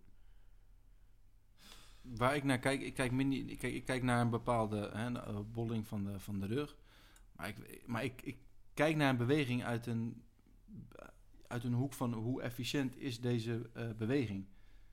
Dus op het moment dat iemand gaat liften en er is positieverlies, dus op het moment dat iemand gaat tillen, die tilt met een bolle rug, gaat trekken en dan, dan, dan, dan, dan hè, wordt hij alleen maar boller, boller, boller. Dan zou ik het adresseren, want dat blijkt dat, ik, dat, dat ze niet de positie vast kunnen houden. En met de Mhm. deadlift wel doen dat je een positie vast kan blijven. Mhm. Vaak wat je ziet, dan gaan ze bollen, bollen, bollen en dan komen ze ongeveer hier en dan zitten ze vast. Dan Ja. zie je die benen gaan trillen en dan denken ze, oh ja, ik heb, ik heb eh lock-out problemen. Terwijl het probleem zit hem vaak in het begin van de beweging, dat ze daar die positie niet vast kunnen houden. Mhm. Eh, kijk, en tuurlijk ga je dat dan. ah, dus Het is niet zo dat, we, dat wij of ik techniek niet belangrijk vinden. Techniek is heel belangrijk, maar vanuit een efficiënt. En als ik ga zeggen van nou, je doet dit, dus gaat er dat gebeuren, dat is gevaarlijk. Dan ga ik weer een koppeling maken in die hersenen. zeggen Van, dat mensen gaan denken dat, oh, zie je wel, die deadlift is, mijn trainer zegt het ook. Terwijl jij zo moet zijn van, joh, deadlift is prima om te doen. En ja, eh, de kans op blessures. Nu op dit moment kunnen wij niet zeggen van nou trekken met een bolle rug of met een rechte rug. eh, eh, eh, eh, verhoogt het risico op blessures. En iedereen heeft. Net eh, kijk, hoe. Wij zeggen altijd ja, neutraal, neutraal. Dat is ook weer zo'n term nu door iedereen. Nee, nee, het moet neutraal. Maar wij kunnen van buitenaf, als we niet eens zien wat nou daadwerkelijk neutraal is. Maar we maken wel een ding. We hebben wel, en ik ook heb heel vaak in het begin begonnen te zeggen: nee, je rug moet recht, want. Dan heb ik wel heel veel mensen eigenlijk een verkeerde boodschap meegegeven. Door te denken van ze mogen alleen maar zo liften. Want anders is het gevaarlijk. En dan zie je mensen, ja, nou, dan na vijf maanden ja, het lukt me niet meer te redden. Weet je wat, ik, ik stop maar. Maar is neutraal niet sowieso persoonsgebonden? Dat sowieso. Ja, ja. Er zit ja. heel veel verschil in. Er zitten constant. eh, en, en ik denk dat. eh, daarom kunnen mensen ook weer vrij in hoe ze eh, liften. Ja. En ik denk dat, ja, we moeten. Omdat we zeggen, we willen mensen, zeg maar, juist dat veel meer mensen gaan liften. Af van het, dit is gevaarlijk, kijk uit, wees bang. Die bangmakerij moet een beetje Stop. weg. Want Ja. hoe we het wenden of keren, fitness, eh, bodybuilden en zelfs powerliften, het, het, het is allemaal behoorlijk veilig. Veilig. Het is niet zo, ja, pas was weer dat iemand zei van, joh, feed-up bench is een gevaarlijk. Want weer een seminar geweest, iemand zei, ja, feed-up bench is gevaarlijk.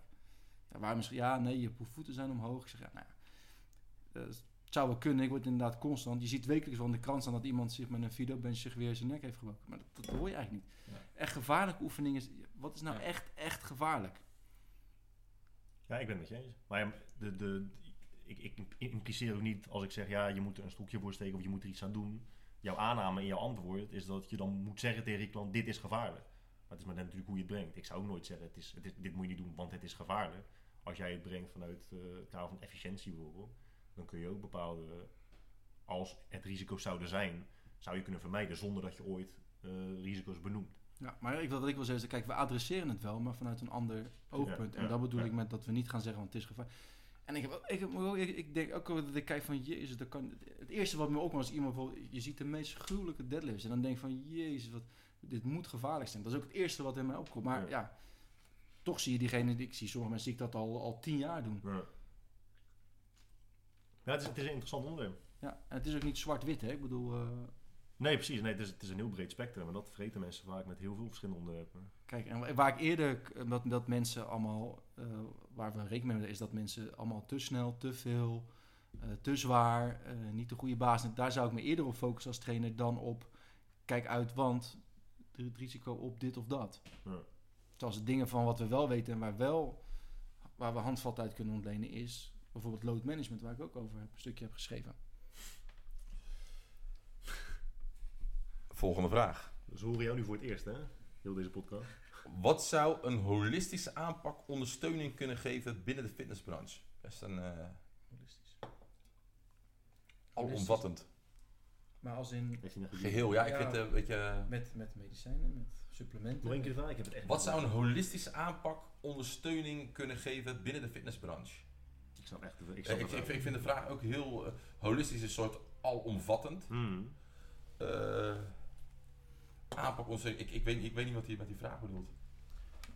Deze vraag gaat onze intelligentie te boven. Nou ja, misschien is het dat ze bedoelen misschien met van joh, eh, wat, kan, ik- Waarschijnlijk, wat kan ik eh, bedenken? Stel bijvoorbeeld ik, iemand die zegt van, eh, eh, die traint bij mij en die zegt nou ik wil een massage doen, dat is goed voor mijn herstel, dat ontspant me een beetje bijvoorbeeld. Hè? Nou, wij weten dat misschien voor herstel is het helemaal niet zo goed. Ja.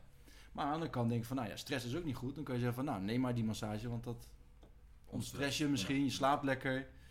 Dan kan je zeggen van nou ja, hè, ga maar Ja. naar die masseur. Is dat Nou, ik, vind, holistisch? ja, ik, ik, ik, ik vind deze vraag gewoon echt, ik durf het niet te zeggen, ik vind deze vraag eh, best wel vaag. Eh, dus eh, we Hoe laten hem heel even zitten. hoe lang moet jij weg? Eh, ik heb, eh, ik heb, eh, Vijf minuten. ik heb, ik, vijf ik, minuten. ik, ik kan nog zeker een half uurtje. maar- Hoe, hoe lang moet jij weg? Dat is de baas. Hoe, hoe lang moet jij weg? Nee, ik moet niet Niet. weg. Maar, Maar jij, jij- maar jij, jij hebt over. Laat uiterlijk, half drie doen. Nee, nee, maar ik, ik, laten we nog een aantal. Ik heb nog twee eh, vragen, eh, denk ik. Wil je niet, eh, Wil, eh, die wil misschien wel iets zelf eh, bespreken, uit zichzelf gewoon. Oh, hij, is natuurlijk, hij, is, hij is het meest actief. Ik had een vraag. Hij is het meest actief. Nee, nee, laat nog maar een vraag doen. Ik had nog wel een vraag in mijn... Iemand een vraag aan mij stellen. Nou, dat vind ik wel interessant om te bespreken. Want dat is altijd een onderwerp wat heel veel wordt vermeden. Dat was... Iemand vroeg gisteren aan mij... Wat vind je over steroïden eh, gebruik in het algemeen? Dat, ik denk dat een hoop mensen die zijn daar... Gisteren ook gezegd, niet transparant over. Het is een beetje een Om vanzelfsprekende redenen. Ja, het is één, het is illegaal. Dus ik snap als jij, als jij stel dat je gebruikt, ja, het risico op dat je met justitie eh, is een risico. Eh, maar we kunnen natuurlijk wel zeggen, hoe kijken wij als trainers tegen steroïdegebruik? Waar ik wil zeggen dat ik niet, eh, ik heb zelf geen ervaring met steroïdegebruik. Daar, dat, ik heb het nog nooit gebruikt, ik kan er ook niet in adviseren. Ik heb er wel een mening over waar ik voor mezelf als trainer een bepaalde grens trek. Van, wat mensen willen weten, begeleid je mensen met steroïden en hoe sta je daarin als trainer? En sommige zijn, vaak krijg je dan een beetje soms vage, vage antwoorden. Terwijl ik, ik ken ook weer gevallen van mensen die er bijvoorbeeld heel transparant over zijn. En dat kan ik, ja, weet je, als je gebruikt en je bent dat, dat kan ik dan wel weer waarderen. Maar dat is misschien interessant om met z'n allen te bespreken hoe. Ja, Dus hoe kijk je daar Stel, stel, je voor dat iemand eh, bij jou Ja. komt. Ja. eh, eh, zou jij dan.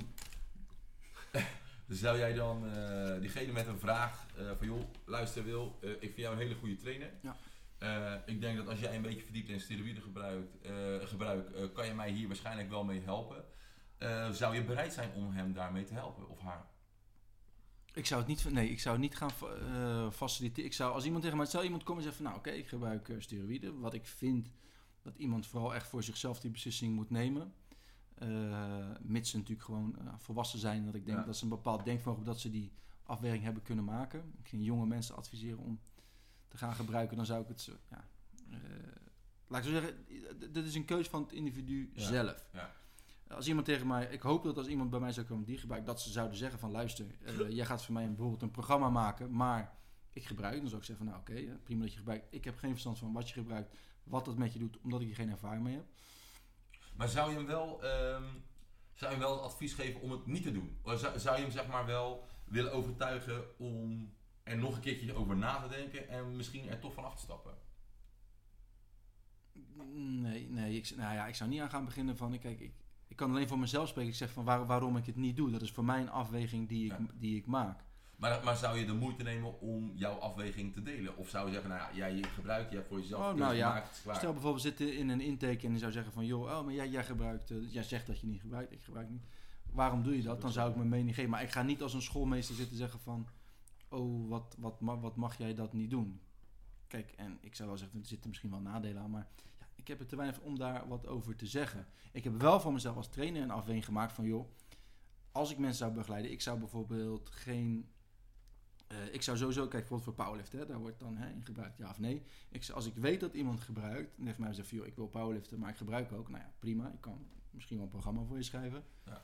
Maar ik zou niet gaan meedoen met wedstrijden waar bijvoorbeeld getest wordt. Want Ja. dat, gaat, dat gaat voor mij dan weer net te ver, Ja. want dan ben ik oneerlijk bezig. Ja. Ik zou ook geen eh, reclame met die persoon gaan maken, of als ik het weet, van joh, kijk eens wat een mooi resultaat ik met Pietje heb gehaald. Tenzij je ook deelt dat hij gebruikt. Ja, maar dat is iets wat hij zelf moet doen, Ja. of zij zelf moet doen. Ja. Dat is niet aan mij om dat voor hem te delen. Eh, en dan zou ik zeggen, want ik moet wel, dus dat is voor mezelf een afweging. Ik wil wel naar mensen die mij volgen en mensen die bij mij trainen, wil ik wel een, een eerlijke boodschap geven van joh, dit is een resultaat. Wat is behaald met bepaalde hulpmiddelen? Want anders gaan mensen denken van dit resultaat, hè, mensen denken van oh dat, dat kan ik ook. Of kijk hoe gespierd hij is en dat is, kan ik zo bereiken. Dus dat is voor mezelf een zo'n persoonlijke grens die ik heb gemaakt. Dus ik ga er één geen reclame mee maken. Eh, ik ga ze niet zitten onderwijzen van of ze het wel of niet mogen. Dat is aan een volwassen persoon eh, zelf. Eh, en ik ga er niet mee wedstrijden mee doen in een bond waar getest wordt. En zegt iemand van, joh, ik doe in die bond waar, waar niet getest wordt en daar mag je gebruiken. Nou ja, prima. Als jij dat wil doen, dan moet je dat weten. Want ik, ja, er zijn genoeg gevallen bekend van mensen die misschien wel wat stiekem wat gebruikt hebben. En bijvoorbeeld een Nederlands record hebben en dan heel snel weer niet Ja. gaan doen. En ja, kijk, daar heb ik wel dat ik zeg van, dat vind ik wel een vervelende zaak. En eh, kijk, ook wil ik ook zeggen, kijk, sport is per definitie niet eerlijk. Ik heb ook mensen die bij mij trainen die misschien een hele goede genetische potentie hebben, die heel veel progressie maken, wat ook niet voor iedereen weg is gelegd. Ja. En daar moet je misschien ook wel wat Ja. transparanter in Ja. zijn. Eh, eh, anders. Ehm,